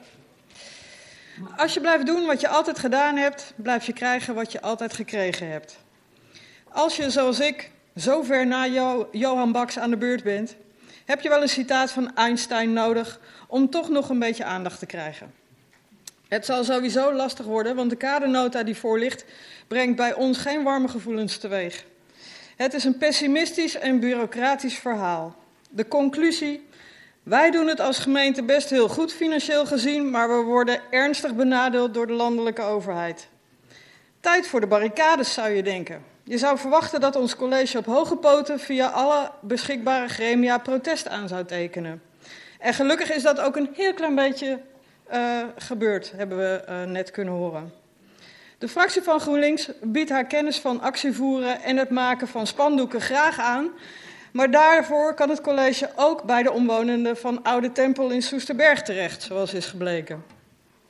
De protesten bij de bijeenkomst vorige week over de woningbouw bij Oude Tempel in Soesterberg is wat GroenLinks betreft een symptoom van de kloof tussen de papieren werkelijkheid die hier in deze zaal meestal aan de orde is en de beleving van inwoners die daar vaak totaal los van staat. We hebben onszelf in het geval van Oude Tempel klem gezet met een puzzel aan ruimtelijke plannen en hun financiële consequenties in en om Soesterberg, waarvan de uitvoering al zo lang duurt dat de wereld eromheen inmiddels is veranderd. Bomen kappen op die schaal is inmiddels voor veel mensen onaanvaardbaar en in het licht van klimaatbeleid onverkoopbaar geworden.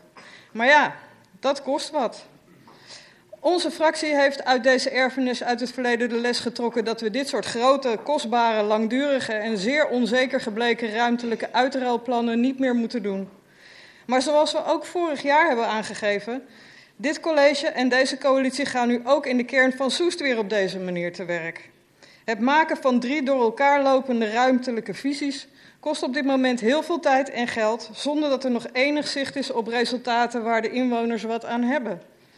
Wat ons betreft concentreren we ons op de omgevingsvisie omdat die moet.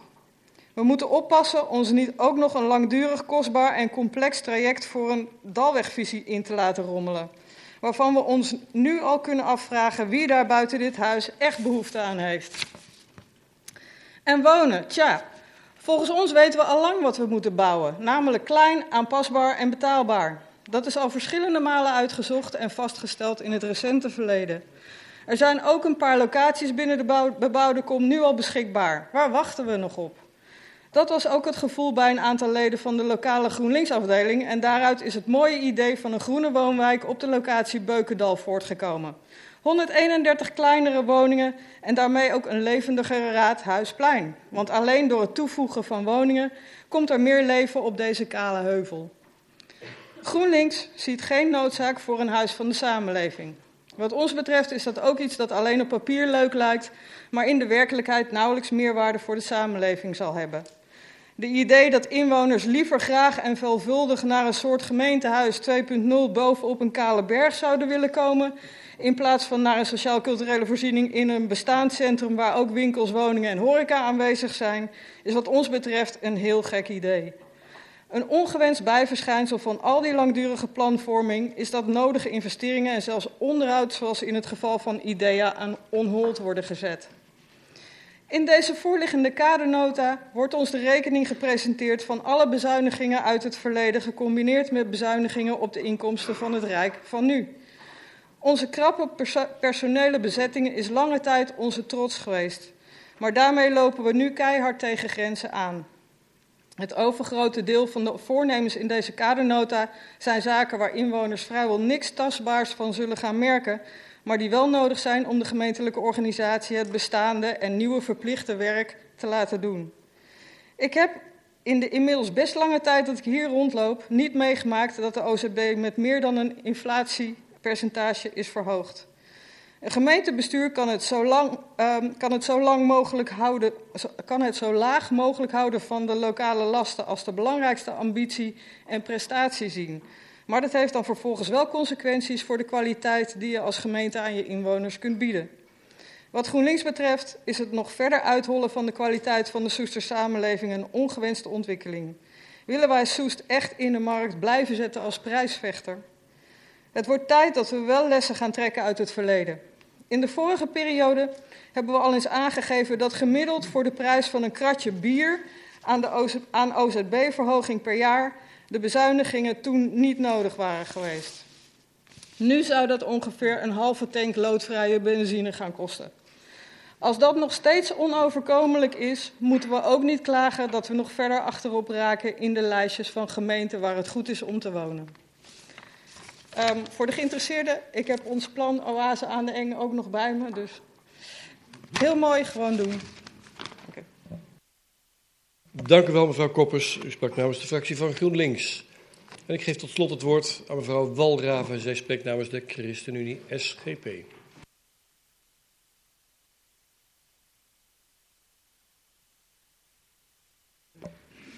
Dank u wel, voorzitter. Beste collega's, college en uh, aanwezigen en luisteraars. Allereerst dank aan het college voor deze kadernota. Een nota waarin we van ons als raad gevraagd wordt om mee te denken en suggesties te geven richting de begroting. Deze kadernota 2020 doet ons, de fractie van die ChristenUnie SGP, beseffen dat we voor een periode staan van goed nadenken welke keuzes er gemaakt moeten worden. Er ligt een grote uitdaging in het waarmaken van onze ambities van het coalitieakkoord. De speerpunten, duurzaamheid, de gebiedsvisie Dalweg en het sociaal domein blijven staan. Maar is er ook voldoende geld beschikbaar? In de kadernota is nog geen rekening gehouden met de mei-circulaire en als we die erbij halen zien we dat de opgave nog groter is. We vinden het een goede zaak dat het college de diverse dossiers uit de kast heeft gehaald, zodat we een goed en reëel beeld krijgen van wat er moet gebeuren. Transparantie is hierin voor ons ook een goede zaak. Het college heeft gevraagd om een reactie op de kadernota en daarbij de speerpunten naar voren te brengen. Um, wij hebben als uh, fractie uh, gekeken naar onze accenten en speerpunten. Bij veiligheid vinden we het heel erg belangrijk dat we zien dat dit een succes is van de jeugdboa's. De jeugdoverlast is afgenomen en we vinden het goed om dit beleid te continueren. Zowel het BIBO-beleid als de jeugdboa's. Bij verkeer en vervoer zien we staan de korte en lange brinkweg. We begrijpen dat de herinrichting nodig is van deze weg. En een vraag van ons is of het mogelijk is om het eerdere budget van 1 miljoen te prioriteren en kijken wat er echt nodig is. Um, natuur en milieu. Hierin vinden we veel ontwikkelingen plaats die soms noodzakelijk zijn, zoals het groenbeheer en het onderhoud van de bomen. Tegelijkertijd zien we dat er veel FTE's gevraagd worden. Het is hier al vaker gezet. Goed om hier kritisch naar te kijken en of al deze uitbreiding noodzakelijk is. De omgevingswet heeft een grote investeringspiek en is iets waar we als gemeente niet aan kunnen ontkomen. Voor de ruimtelijke plannen worden nu veel gebruik gemaakt van inhuur en daarvan vraagt u of dit omgezet kan worden in een vaste formatie. Dit is wat ons betreft een goede stap en een goede investering. Maar daarbovenop nog meer uitbreiding, daar zetten wij onze vraagtekens bij en vragen we u om hier nog eens goed naar te kijken. En als fractie stellen wij voor om het horecabeleid voorlopig even uit te stellen. In het najaar komt het horecabeleid buitengebied aan de orde. Daar zijn we heel blij mee, omdat het, daar, omdat het goed is dat daar duidelijkheid in komt. Het sociaal domein is volop in beweging. Voor onze fractie is het belangrijk dat er met de begroting meer duidelijkheid is hoe we ervoor staan en welke keuzes, maatregelen er genomen gaan worden. We horen en zien dat er hard gewerkt wordt om procedures inzichtelijk te maken. En een mo mooi initiatief vinden wij het ADHD-inlooppunt en de dyslexiepoort. Afgelopen weekend was het bestuurderscongres van de ChristenUnie en daar sprak Erik Dannenberg, voorzitter van Divosa. Hij hield een inspirerende lezing over hoe we van een exclusieve samenleving, waarin we een ieder die een beetje anders is of niet kan meekomen, separaat laten leven of werken. Maar dat het juist goed is om deze mensen weer via integratie naar een inclusieve samenleving te laten komen. Dus van een exclusieve samenleving naar een inclusieve samenleving. Een mooie suggestie om daar als college ook bij stil te gaan staan. Hoe staat dat bij ons in Soest? En tijdens dit congres is er namens de bestuurders ook een duidelijk signaal aan onze landelijke bestuurders in Den Haag afgegeven dat het voor de gemeentes echt niet meer haalbaar is om het allemaal zelf te bekostigen. Dat veel gemeentes in de schulden zitten na, met het name door het sociaal domein. En we hopen ook dat deze noodkreet gehoord gaat worden in de gemeentes. Wat betreft de sport vinden we het goed dat we gaan kijken naar de huurtarieven. Dat is wat ons betreft een goed plan. En bij de bestuurlijke taken over de dienstverlening vragen we ons af of er mogelijkheden zijn om het loket op rustige tijden ook dicht te doen. Het is voor onze fractie mogelijk om het misschien inzichtbaar te maken wanneer het rustig is, omdat er digitaal een afspraak gemaakt kan worden, zodat je ziet wanneer het loket structureel dicht zou kunnen. En ook de hondenbelasting lijkt ons goed om dit nu nog te behouden. Tot zover onze bijdrage hiervan. En het procesvoorstel om te komen tot een besluitende begroting is voor ons nog een lastige, omdat in deze kadernota de meicirculaire nog niet, nog niet is meegenomen en we daardoor ook andere cijfer hebben, cijfers hebben als uitgangspunt.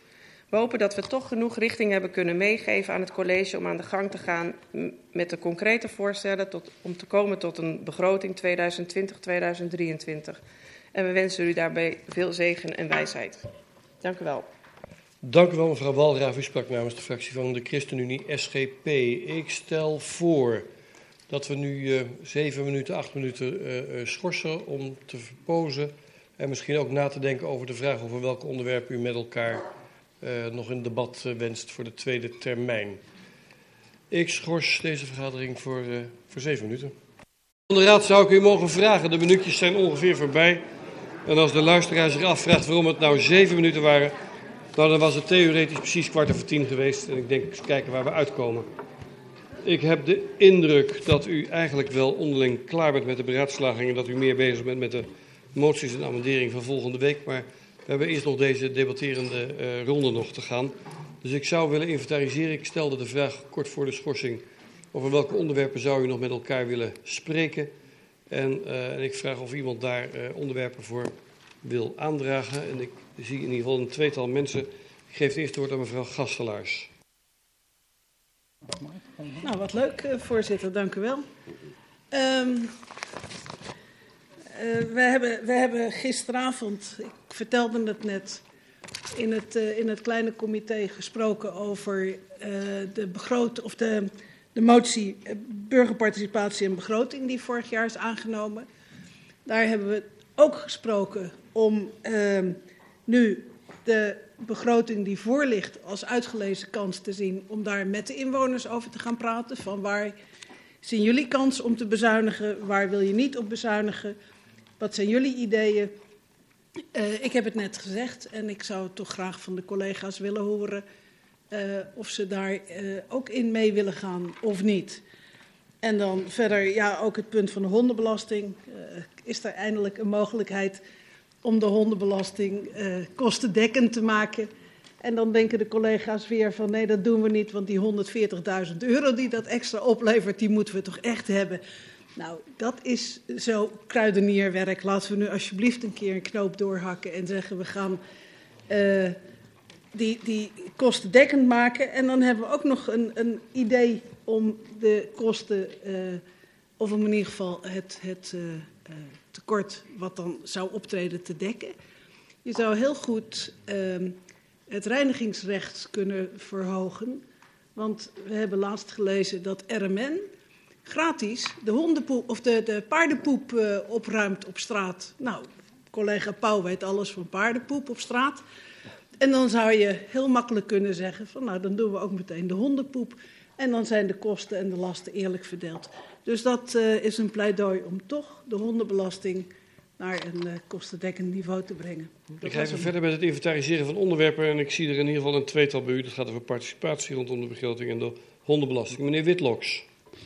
Ik ga geen pleidooi houden. Ik ga alleen een aantal uh, onderwerpen noemen waarvan ik eigenlijk ook meer verheldering wil van een aantal partijen. Naast het inwoners betrekken wat mijn buurvrouw net noemde. Ik zou graag straks wat meer willen weten van een aantal partijen hoe ze denken over die OZB. Het tweede is over dat zwembad dat genoemd is en het groen onderhoud. Dank u. Dank u wel, meneer Witloks. Zijn er nog anderen die onderwerpen? Ja, meneer Lucas.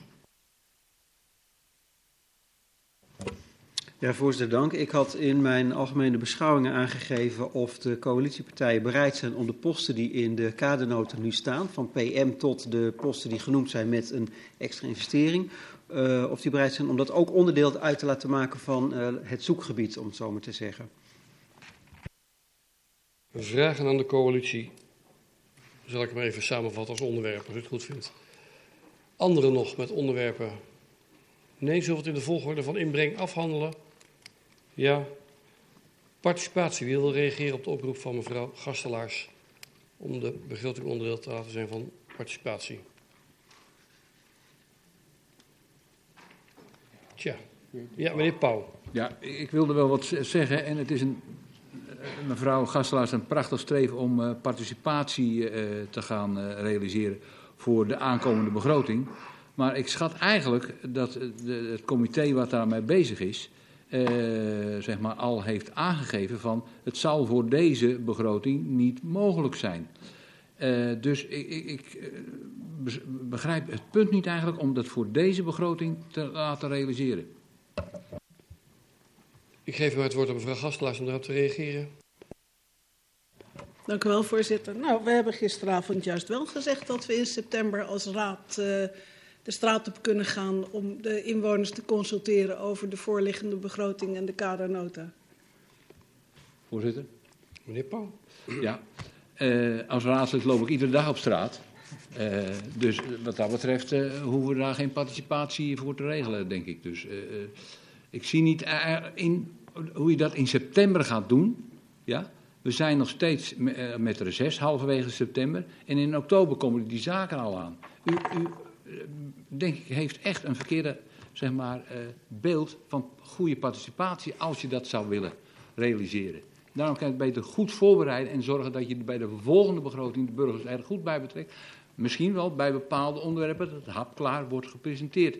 Want een totale grote begroting, dat is voor een burger, inwoner van ons, met alle respect, niet te begrijpen. Voorzitter, ja graag. Ja, ik, ik, kan me nog heel goed herinneren dat u vorig jaar ook helemaal geen, uh, geen zin had in uh, de uh, burgerparticipatie en begroting. En ik weet nog dat uw wethouder enthousiast reageerde van dat doen we wel, de maaltijd van Zeist. En ik hoor u nu weer tegenhouden en mopperen. maar misschien moet u toch een beetje vertrouwen hebben in de mensen die, die dit hiermee bezig zijn. Meneer Pauw. Ja, mevrouw Gastelaars, met alle respect voor. Ik mopper niet. Ik kijk alleen naar hoe de situatie is nu. Als u wat wil, dan moet u het goed doen, maar niet halfbakken werk. En dat een bepaalde groep alleen maar iets kan doen, dan moet je op een gegeven moment een goede participatie opzetten. Ja, en daar is voorbereidingstijd voor nodig en deze tijd is nu echt te kort. Ja, voorzitter, Ik zie enige... meneer Baks nog reageren, dat is eigenlijk misschien wel leuk voor het debat, ja. anders dan wordt het een soort wel eens niet is. Sorry, dank u wel, voorzitter. Ja, of ik nog leuk ben voor het debat, geen flauw idee. Tegen half elf wordt dat voor mij al uh, heel kritisch. Maar ik ondersteun het verhaal van meneer Pauw. We hebben eerder, heb ik ook in een werkgroep gezeten... die participatie gekoppeld aan de begroting uh, op gang wilde zetten. Maar in zes, als je het serieus wilt nemen en het goed wil voorbereiden... kun je dat niet in zes weken voor elkaar krijgen. En ik onderstreep uh, het belang in het pleidooi van mevrouw Gastelaars.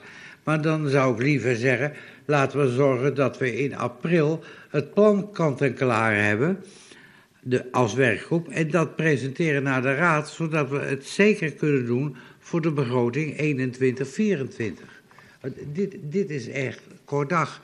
En uw pleidooi voor de hondenbelasting, ja, u begrijpt dat die was nog niet aan de orde. Nee, die was nog niet aan de orde. We doen, die komt zo. We oh. Ik doe dus oh, stukjes bij beetjes doe ik ze eventjes als u het goed vindt. Uh, maar zonder in de wel eens niet eens uh, te vervatten, hoor ik nu twee uh, standpunten. Mevrouw Gaslaars wil graag de hele begroting. En ik zie twee fracties die bezwaar hebben. en niet op de inhoud, maar wel op de, op de, haal, de praktische haalbaarheid. Meneer Lucas. Ja, wij sluiten ons bij de opmerkingen van de heer Pauw en de heer Baks aan. Anderen nog? Ja, meneer Witloks. Ja, ik zou graag op willen merken dat we een werkgroep hebben gehad die zich daar gisteravond uh, intensief mee bezig heeft gehouden. We hebben een vervolgafspraak gemaakt, ik dacht begin september. En misschien is het raadzaam om eerst even de bevinding van die werkgroep af te wachten. Want daar was een vrij groot draagvlak te vinden, ook bij collega's of collega-raadsleden van de heer Pauw. Dus ik zou voor willen stellen, ja ja, precies, en ook van burgerbelangen, goed dat u dat zegt. Dat we even september afwachten en dat we dan met een voorstel komen in de agendicommissie. En dit even parkeren naar dan. Mag ik dan daarmee constateren dat dit onderwerp wel ongeveer uitgediscussieerd is? Voorzitter, dus u mag weet ik nu daar- waar u staat, mevrouw Gastelaars? Mag ik daar even op aanvullen dat Ja. het dus inderdaad gaat om, eh, nou ja, nu de bereidheid om, eh, om te zeggen van eh, we, gaan, we gaan kijken in hoeverre we daar iets mee kunnen. En dan komen we daarmee terug. Dat is alles. Dat is heel Dus mooi. die bereidheid, die peiling, die, eh, die ligt nu in het midden. Dus ja, ja, u telt uw zegeningen, dat, dat hoor ik. Dan de hondenbelasting. Een warm pleidooi van mevrouw Gastelaars om hem af te schaffen, eh, al dan niet gekoppeld aan een suggestie om de inkomsten op een andere wijze binnen te harken. Wie wil daarop reageren? Dat was meneer, ja, meneer Baks was als eerste natuurlijk. Ja, ik wilde niet meer zeggen dan dat ik haar plei- pleidooi van harte onderschrijf. Zoals wij samen dat pleidooi al twaalf jaar houden. Eh, maar ik ben met mevrouw Gastelaars een beetje voorzichtig bang dat het een eh, blij maken met een dode mus is. Als ik nu de coalitiepartijen al hoor zeggen, eh, we laten zoals het, i- zoals het is. En dat vind ik dan jammer. Meneer De Wilde, zag ik. Ja, ik, ik denk dat het, eh, dank u wel voorzitter. Ik denk dat het op dit moment totaal niet opportun is om over één onderdeeltje te praten.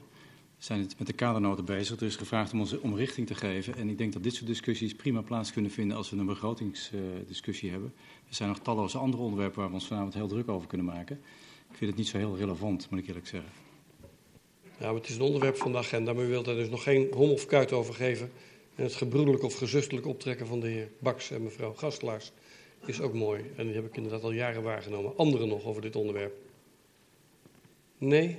Dan komt hij nog weer terug. Dan ga ik naar het onderwerp van de heer Witloks, die een uitdaging deed hoe andere fracties denken nou over het OZB. Want niet iedere fractie heeft zich daarover uitgelaten. Dat is een correcte samenvatting, meneer Witloks?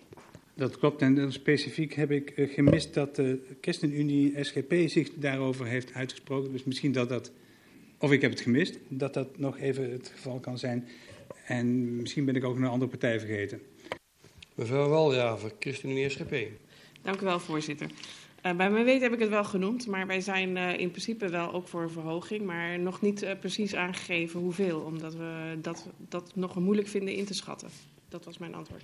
Zijn er nog andere partijen die zich stiekem onthouden hebben van uitspraken hierover en dat dan op de uitdaging van de heer Witloks toch nog alsnog willen doen? Ja, meneer Boks. Ja, voorzitter, ik heb mij eh, eh, uitgelaten over de OZB in die zin eh, dat je door flinke uitbreiding van het aantal woningen en misschien zelfs wel bedrijfsgebouwen tot meer heffing van OZB kunt komen zonder dat dat tot verhoging van de individuele heffing leidt. In die zin heb ik mij daarin uitgesproken als zijnde een kans en een mogelijkheid. Ehm, als we het hebben over eh, de OZB en de totale opbrengst die we voor de, voor de gemeente hebben. ehm, ik heb eh, eh, nog even gekeken in een wat verouderd rapport, maar over de opbrengsten hier van de, van de OZB. Als we dat verhogen tot het landelijk gemiddelde, dan betekent het dat daar in 2013 eh, ongeveer 2,5 miljoen extra opgehaald kon worden. En als je het verhoogt tot de grens van de artikel 12, nou dat is op het moment dat je echt in de problemen komt, dan, dan wordt er toezicht gehouden en dan moet je je OZB verhogen tot het maximum, dan verdubbelt eh, dat bedrag nog een keer. Dus we hebben het in zijn totaliteit over dit soort eh, bedragen en dan omgeslagen naar eh, aantal woningen, dan heb je het inderdaad over twee kratjes, maar dan wel speciaal bier, want je komt ongeveer op 80 euro per, gemiddelde 80 euro per woning. Eh, dank u wel, meneer Boks. Er zit in de techniek nog één aanname die u gedaan heeft die niet helemaal klopt. Maar ik laat het graag nog even aan de ambtelijke organisatie. Om de techniek van het eh, binnenhalen van het geld rondom OZB en het extra bouwen van woningen nog een keertje in een, eh, in een korte alinea duidelijk te maken. Want dat zit in de techniek net even iets anders dan dat u eh, aanneemt. Ik, ik zie hem graag. Ja. Ehm, zijn er nog meer fracties die over de OZB een uitspraak wensen te doen, die dat nog niet eerder gedaan hebben? Nee. Dan was nog de uitdaging van de heer Witloks Uh, naar aanleiding van de opmerking van het zwembad. Meneer Witloks, misschien nog even voor een reminder. Ja, als ik het goed gehoord heb, dan sprak de VVD zich uit over het afschaffen van het zwembad. En ik vroeg me even af hoe dat zich verhoudt tot de kadernota 2020. Want ja, hoe, hoe gaat dat zeg maar, op de korte termijn uitpakken? Of, maar daar, daar kan misschien de VVD wat antwoord op geven. Meneer De Wilde, een toelichting over het zwembad. Ja, kijk, we hebben gereageerd. Ik heb mijn, in mijn uh, toespraak gereageerd op uh, de dingen die in, het kader, in de staan. En er is net ook wat toelichting gegeven door de wethouder wat dat zou betekenen. Kijk, um, ik weet ook niet hoe dat praktisch gaat uitwerken. Hè. Het is nogal een ding. Maar ik heb het als voorbeeld meegenomen om um, liever dat soort grote, um, dat soort grote knoppen te kunnen draaien straks, dan dat ik heel veel kleine knopjes moet gaan, uh, gaan bijstellen. En, en, dit is een voorbeeld wat, wat, genoemd wordt, maar ik wacht heel erg op de uitwerking hiervan. Um, om te kijken of het ook daadwerkelijk te realiseren valt. Maar ik, ik, denk liever dat we dat soort discussies moeten voeren om echt grote stappen te zetten. Uh, dan allemaal kleine maatregelen. Meneer Witloks. Dat is voor mij voldoende. Misschien dat ook andere partijen erop kunnen reageren. Ja, graag. Dank, voorzitter. Um, u geeft aan, uh, heer De Wilde, van we gaan voor de grote keuzes die een directe, een goede invloed op de, op de begroting hebben. Um, u noemt het zwembad. Maar uh, wat kunnen we daar nog meer bij voorstellen? Want het college daagt ons uit om met voorstellen te komen. Heeft u nog een ander voorstel? Meneer De Wilde. Nee, ik heb geen ander voorstel op dit moment, want ik moet het ook doen met informatie die u ook heeft hè, en in de kadernota. Dus ik, ik weet niet wat er nog meer allemaal aan grote dingen zit. Um, ik wacht in die zin ook net zoals u straks af wat het uh, college gaat uh, voorstellen. Maar als we straks bij de begroting van dit soort grote onderwerpen zijn, dan is mijn voorkeur om daarmee aan de slag te gaan. Um, maar ik heb ze niet op een rijtje staan op dit moment. Nee, nee. Jammer, geeft een generieke richting mee aan het college. Meneer Pauw wilde reageren, daarna meneer Silke. Uh, heer Witloks, ik denk dat het uh, zeg maar, nog niet duidelijk is wanneer precies zeg maar, die grote investering, eventueel die, die, die, renovatie van een zwembad, echt in de planning zit. Dat is mij nog niet duidelijk. Tegen die tijd, dan moet je pas zeg maar, zeg maar, je gaan beraden, wat gaan wij doen. Dus het is wel wat we in beeld moeten hebben dat het in de toekomst op ons afkomt. En dat moet je als een verplichting meenemen in je meerjarenperspectief. Uh, maar als je zegt, nou twee jaar van tevoren willen we daar een besluit over nemen, dan moet je, moet je die data wel een beetje weten. Dat is een beetje waar ik mee zit. En dan wil ik op een gegeven moment de discussie voeren, wat gaan we met het uh, zwembad doen? Een nuance op de opmerking van de VVD. Meneer Silke? Um, ja, ik ben met de VVD eens, althans zo versta ik hem, dat het een, een uh, pijnlijk, uh, maar ook grootelijk voorbeeld is, en het Gifland is ook genoemd, uh, aan dingen die er nog aankomen. Um, en um, ja, als die dingen er aankomen, dat, dat was ook voorspeld in de kadernota, dan hebben we dus niet alleen over de, laten we zeggen, de, prio's en de wensen die nu in die kadernota staan. Uh, hè, en dan nog de verminderde rijksopbijdrage die daar aan leidt. En dan komt er straks nog uh, allemaal uit, uit de hoge hoed dit soort dingen. En dan praten we over dus tientallen miljoenen aan onderhoud hè, die in de loop van de jaren moet gerealiseerd worden. Maar dan heb ik eigenlijk een vraag aan de anderen als het daarom gaat dat ik dan... mij verbaas. Gaat het over dit onderwerp? Nee, niet over het zwembad. Dan zal ik dan het onderwerp even noteren zodat we hem aan het einde van het lijstje Ja. toevoegen. Goed. En het onderwerp is? Um, ja, dan moet ik hem gaan. dat ik mij verbaas dat er nu al uh, tegen de achtergrond van al deze ontwikkelingen partijen zijn die, die zeggen: ik ga daar niet op uh, uh, bezuinigen en, en ik ga geen OZB ver, verhogen. Want ik zou niet weten hoe wij in, in Soest de zaak gewoon minimaal ook, ook zonder glans voor elkaar kunnen krijgen. dan- als je dat niet inmiddels in principe bespreekbaar uh, zet. Dan, Dat was, dan not- noteer ik dat weer even als een apart, vind wel mooi afsluitend onderwerp trouwens. De eerste uitdaging van de coalitie van meneer Lucas, gevolgd door de uitdaging die u teruglegt over hoe je het zonder OZB zou moeten doen. Dat zijn prachtige afsluitingen. Uh, ten aanzien van het zwembad nog meer? Nee, u had nog een laatste over het groenonderhoud, meneer Witloks.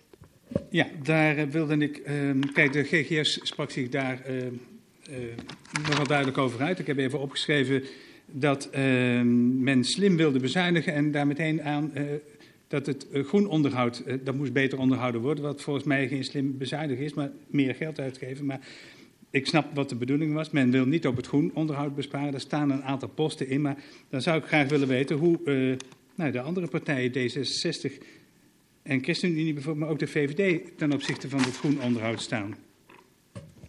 Wie voelt zich uitgedacht? Ik zie meneer De Wilde. Ja, ik, voor mij heb ik in mijn uh, toespraakje net aangegeven welke onderwerpen wij uh, zo lang mogelijk in stand willen houden. Voor mij staat groen onderhoud daar niet bij. En uh, ik heb verder gezegd dat de onderzoekgebieden redelijk breed kunnen zijn. Dus daar hoort groen, groen onderhoud er weer wel bij. Dank u wel, meneer De Wilde. Sielke.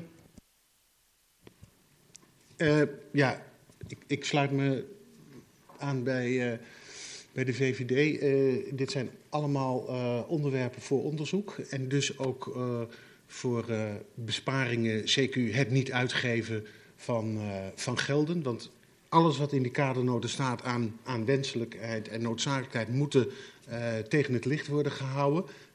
dat noopt mijn vorige opmerking natuurlijk.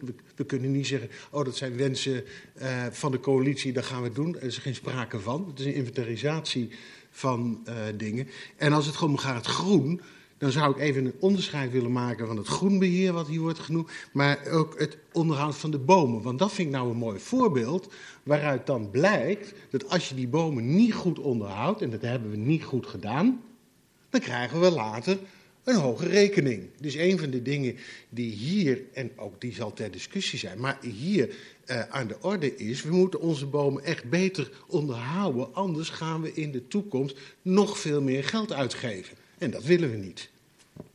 Helder antwoord. Anderen nog? Ja, mevrouw Walraven. Dank u wel, voorzitter.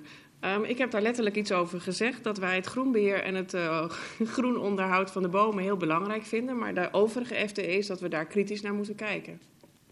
Anderen nog? Nee, volgens mij, meneer Witloks, bent u bediend op uw vragen. En dan krijgen we de laatste twee. Uh, ik vat de, de, vraag van meneer Lucas samen. Uh, is, de, is, de, coalitie, en hij stelt er met name de coalitiefractie bereid om zijn ambities los te laten, om in gesprek te komen? Ja, nou, dan met name mijn vraag, want in uh, de pagina waar de zoekgebieden staan, staan er wel een heleboel uit de kadernoten, maar de Dalwegontwikkeling uh, staat er bijvoorbeeld niet bij. Is dat expres eruit gehaald of niet? Dat was eigenlijk de achtergrond van mijn vraag. Ja, maar dat is een vraag aan het college, die ligt er nou niet meer natuurlijk, want u bent nu met elkaar. Nee, maar het is een vraag aan de coalitie niet de nota geschreven heeft, tenminste, ik was er niet bij.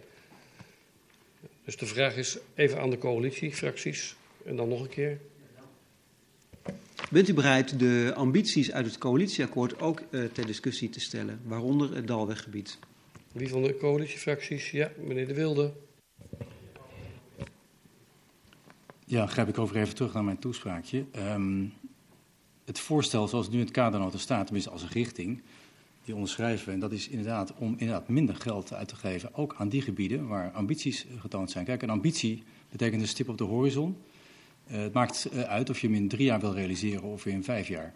En ik denk, als ik het proef wat er nu uh, voorgesteld wordt, en zo interpreteer ik het ook, dan stelt het college voor om niet de ambitie los te laten. Dus die stip op de horizon die blijft daar staan, alleen die staat misschien iets verder weg. En daardoor kost het per jaar misschien wat minder geld. Dus dat is eigenlijk ook impliciet een bezuiniging. En op die manier zie ik dat voor me. Maar de stip op de horizon houden we wel graag zoals die er staat. Dus die ambities blijven. Maar je mag best geld besparen in de uitvoering van de komende jaren. Want ook daar moet geld uit. Dat is, ja, dat is helaas zo. Ja? Is dat dank u wel, meneer De Wilde. Meneer Pauw. Ja, voorzitter, dank u wel. Uh, ja, de heer Lucas zegt, uh, spreek eens uit voor de Dalweg-visie. Nou, het is een belangrijk element om te zorgen dat een aantal zaken op elkaar worden afgestemd, die in wezen, waar mogelijkheden zijn voor, zeg maar, wonen wat door heel veel partijen hier naar voren wordt gebracht. Dat is noodzakelijk op een gegeven moment. En uh, niet te vergeten dat je dus nu kansen hebt om iets te ontwikkelen. En de GREX zal uiteindelijk bepalen straks wat daar voor uh, zeg maar, uh, revenue uitkomen. Als je je kansen niet maakt om dit verder te ontwikkelen, dan is het in wezen weggegooid geld waar je allemaal bezig bent. En het geeft kansen voor onze burgers, sport en cultuur. Dank u wel, meneer. Meneer Sielke, D66. Dank u wel, meneer voorzitter. Ja, in de eerste plaats goed even onderscheid te maken tussen kosten en investeringen. Hè, want Dalweergebied, we gaan uh, het politiebureau uh, aankopen. En dat is ook uh, hier al gezegd. Dat, dat zien we als een investering die voor een deel, belangrijk deel zich, en misschien wel helemaal, in de gek zich moet terugverdienen. Dat Dat weten we niet op voorhand, maar dat is wel het streven en moet een afweging zijn. Uh, en ik heb al net uh, ook gezegd dat ehm, de ambities die deze coalitie heeft geformuleerd onderdeel uitmaken van de zoekgebieden van het college. Ehm, het is alleen ook wel zo, um, hè, als het gaat om, om energietransitie, dat is, niet, dat is niet vrijblijvend. Ook al vind ik ook dat het Rijk uh, wel wat over de brug moet komen. En ook deze partij zal echt wel uh, richting de minister van Binnenlandse Zaken op de trom uh, slaan. Dat, dat er in Den Haag echt ook een beetje, niet een beetje, dat er echt als ze wat willen dat wij doen, dan moeten zij ook over de brug komen. Dus dat, dat even terzijde. Maar um, heb ik mezelf van mijn apropos gebracht, stommeling. Ja, dat is normaal mijn rol, denk ik. Maar... Um, ja, uh, kijk, kost gaat voor de baat uit. Dat is natuurlijk toch ook het dilemma. Als je het hebt over transitie, dan gaan wij, zitten wij ook te investeren. Dus soms zijn kosten en uitgaven die we doen, zijn ook investeringen in de toekomst. Nou, dat, dat bent u eens en dan moeten we daar op een verstandige manier uh, uh, mee omgaan. Maar wat mij betreft, daar ligt geen no-go. Dank u wel, meneer Sielke. Mevrouw Walraven. Dank u wel, voorzitter. Um, ook dit heb ik genoemd, in, nou, daar ben ik mee begonnen, dat uh, voor, voor onze fractie de drie speerpunten sowieso wel vaststaan. Maar dat, er, dat we ons ook realiseren dat bij alle drie de speerpunten keuzes gemaakt moeten worden. En dat geldt ook voor de Dalwegvisie. Ik zie hier een handreiking naar elkaar toe, tenminste dat hoor ik dan maar. Uh, daar we dit punt voldoende, uh, denk ik, in, het, in de kring gebracht, dan kom ik bij het laatste onderwerp, meneer Sielke, want nou brengt u hem weer terug. Ja, Zonder OZB kan het niet is uw stelling. Oh, ja. Toch? Ja, dat was precies. En dan, eh, zonder OZB kan het niet. Zeker niet op de langere termijn. En er zijn partijen die, tenminste zo heb ik dat verstaan, die zeggen. Je, je, je mag aan alles komen, behalve aan het sociaal domein, hè, wat dus meer dan 40% van onze omzet is. En ik was ook benieuwd hoe die partijen daar tegenaan kijken. Dat is, dat is de bal weer terug bij de, bij de oppositie, zal ik, zou ik haast zeggen. Hoewel we dat hier natuurlijk helemaal niet kennen. Mevrouw Scholten, daarna meneer Witloks. Voorzitter, dank. Um, dat sociaal domein, heel belangrijk omdat wij zorg belangrijk vinden. Dus tornen aan de zorg die nodig is voor mensen om te kunnen functioneren um, in, in hun beperkte of wat bredere systeem, vinden wij boven alles moeten staan. Maar er kan natuurlijk wel iets anders bekeken worden. En dat is de manier waarop de zorg georganiseerd is.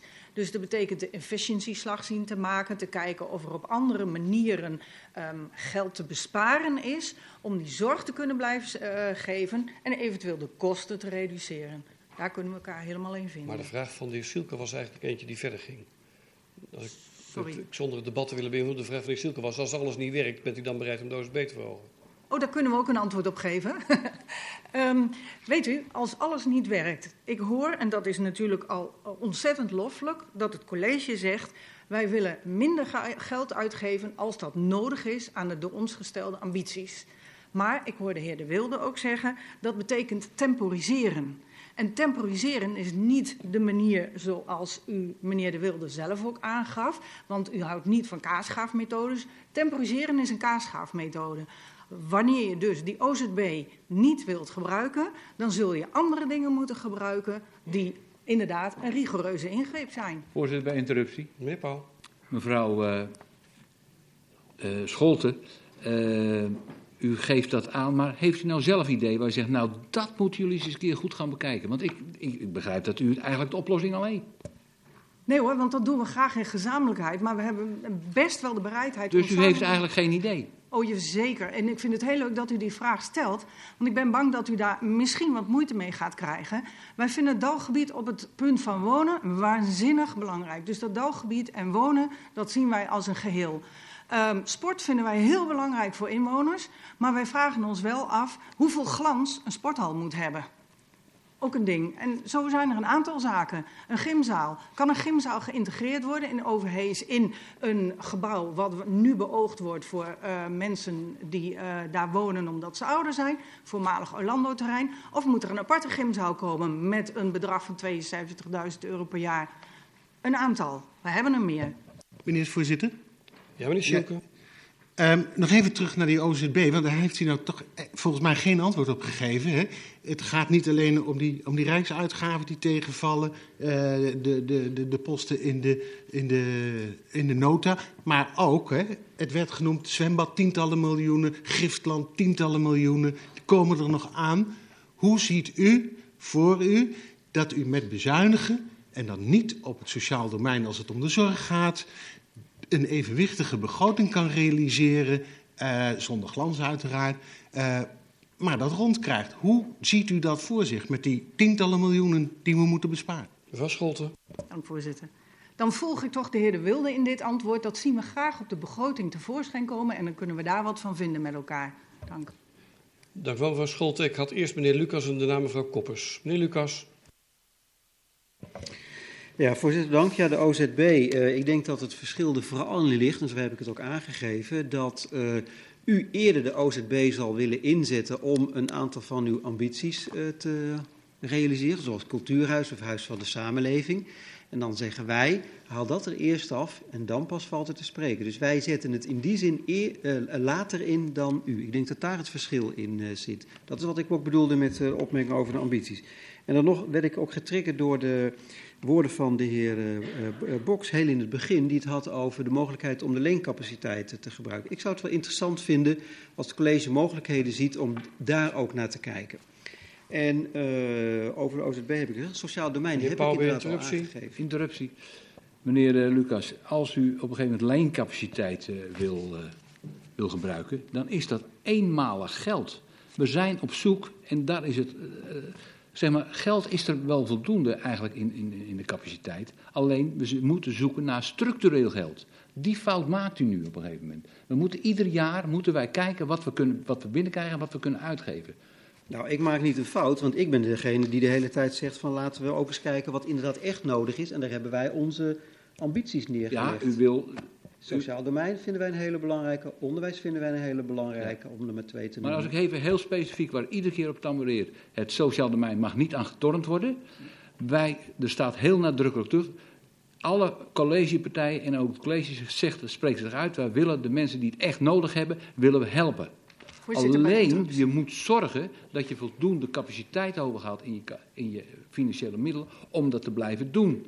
Daar zijn we heel bezorgd over. En u wil niks op het sociaal terrein, wilt u Voorzitter, op een gegeven moment herzien. Scholte eerst.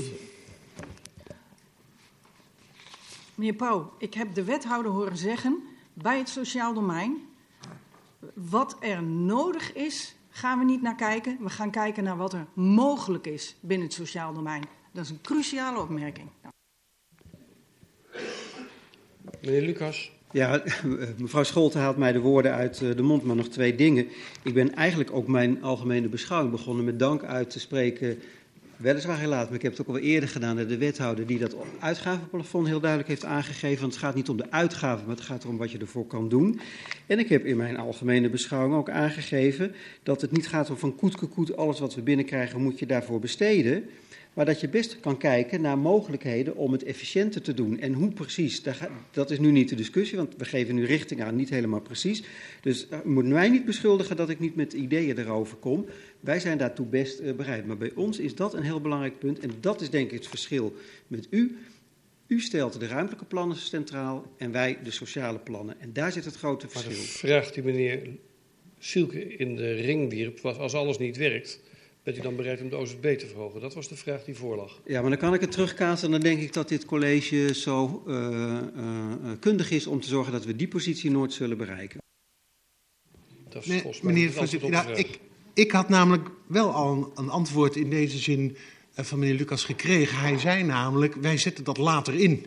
Dus, dus ik heb in zoverre antwoord gekregen op mijn vraag. Als niks helpt, ja, dan komt de OZB ook bij het CDA in beeld.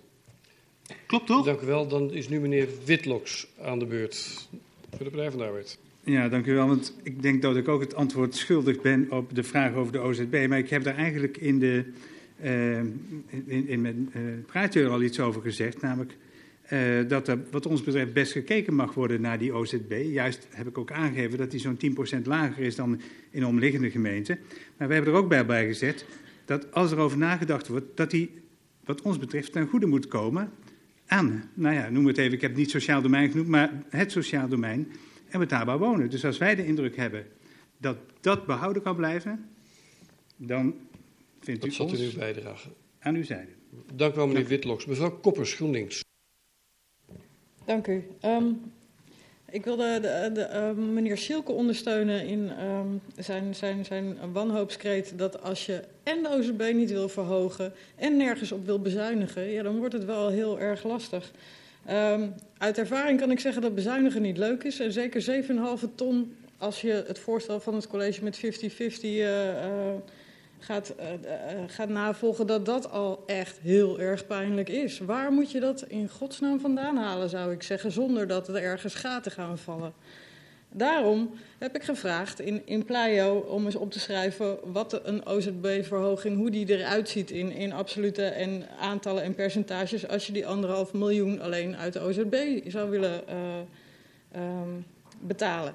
Ik zou iedereen die hier nu tegen OZB-verhoging is willen vragen om daar nog eens heel goed naar te kijken. Want het gaat echt over echt niet zo heel veel geld. En daarvoor, daarmee kunnen we zoveel ellende besparen. Uh, wat ons betreft doen we het zo. Maar ik zou jullie alle aanraden om te kijken in hoeverre je daar nog steeds tegen bent als je die uh, bedragen ziet staan. In Pleio. Dank u wel, mevrouw Koppers. Heeft ik iemand een interruptie? Ja, meneer De Wilde. En daarna mevrouw Gastluis. Ja, zoals ik al aangegeven, wij zijn natuurlijk niet zo'n voorstander van die OZB-verhoging, maar we hebben ons er wel een beetje in verdiept. Maar het is ongeveer in Soes zo, heb ik begrepen, dat als je 1% OZB verhoogt, dat je ongeveer 83.000 euro binnenhaalt. Dus dat rekensommetje kunt u maken. Ja, uh, ik heb een heel, een heel, mooi staatje, voorzitter nogmaals, een heel mooi staatje gekregen van de ambtenaar. Dus ik zou hem echt even bekijken, meneer De Wilde. Wordt verwezen naar de antwoorden op Pleio, uh, begrijp ik. Dus dat uh, komt. Ja, voorzitter. Mevrouw Gastelaars, interruptie. Ik zou hier toch graag even op willen reageren, want er is er net ook al eerder gezegd dat door de enorme prijsstijging van de woningen de inwoners al extra moeten betalen aan de OZB. Maar mevrouw nou moet ik echt interrumperen, want dat is technisch werkt dat anders. Ja. Dus die redenering klopt niet. Ja, maar het is, het is niet alleen dit, want je gaat, je gaat al allerlei andere zaken. Voorzitter, okay. interruptie. Ja, ik zie u kijken. Ja. Nee, het is niet goed wat u zegt. Mevrouw Gassel, u slaat, u slaat volledig de plank mis. Nee, maar nou wil ik de discussie beëindigen daarin, want ik heb al gezegd dat namens de organisatie het heel kort zal worden uitgelegd. En vandaar dat ik ook zelf de interruptie even naar mevrouw Gasselaars deed, omdat je anders een debat krijgt waar je niet, niet verder mee komt. En nu kan naar aanleiding van, de, van, de, van mijn toezegging kunt u, kunt u dan beoordelen of u dat volgende week nog verder wil uitwerken. Meneer Boks had al eerder het woord gevraagd.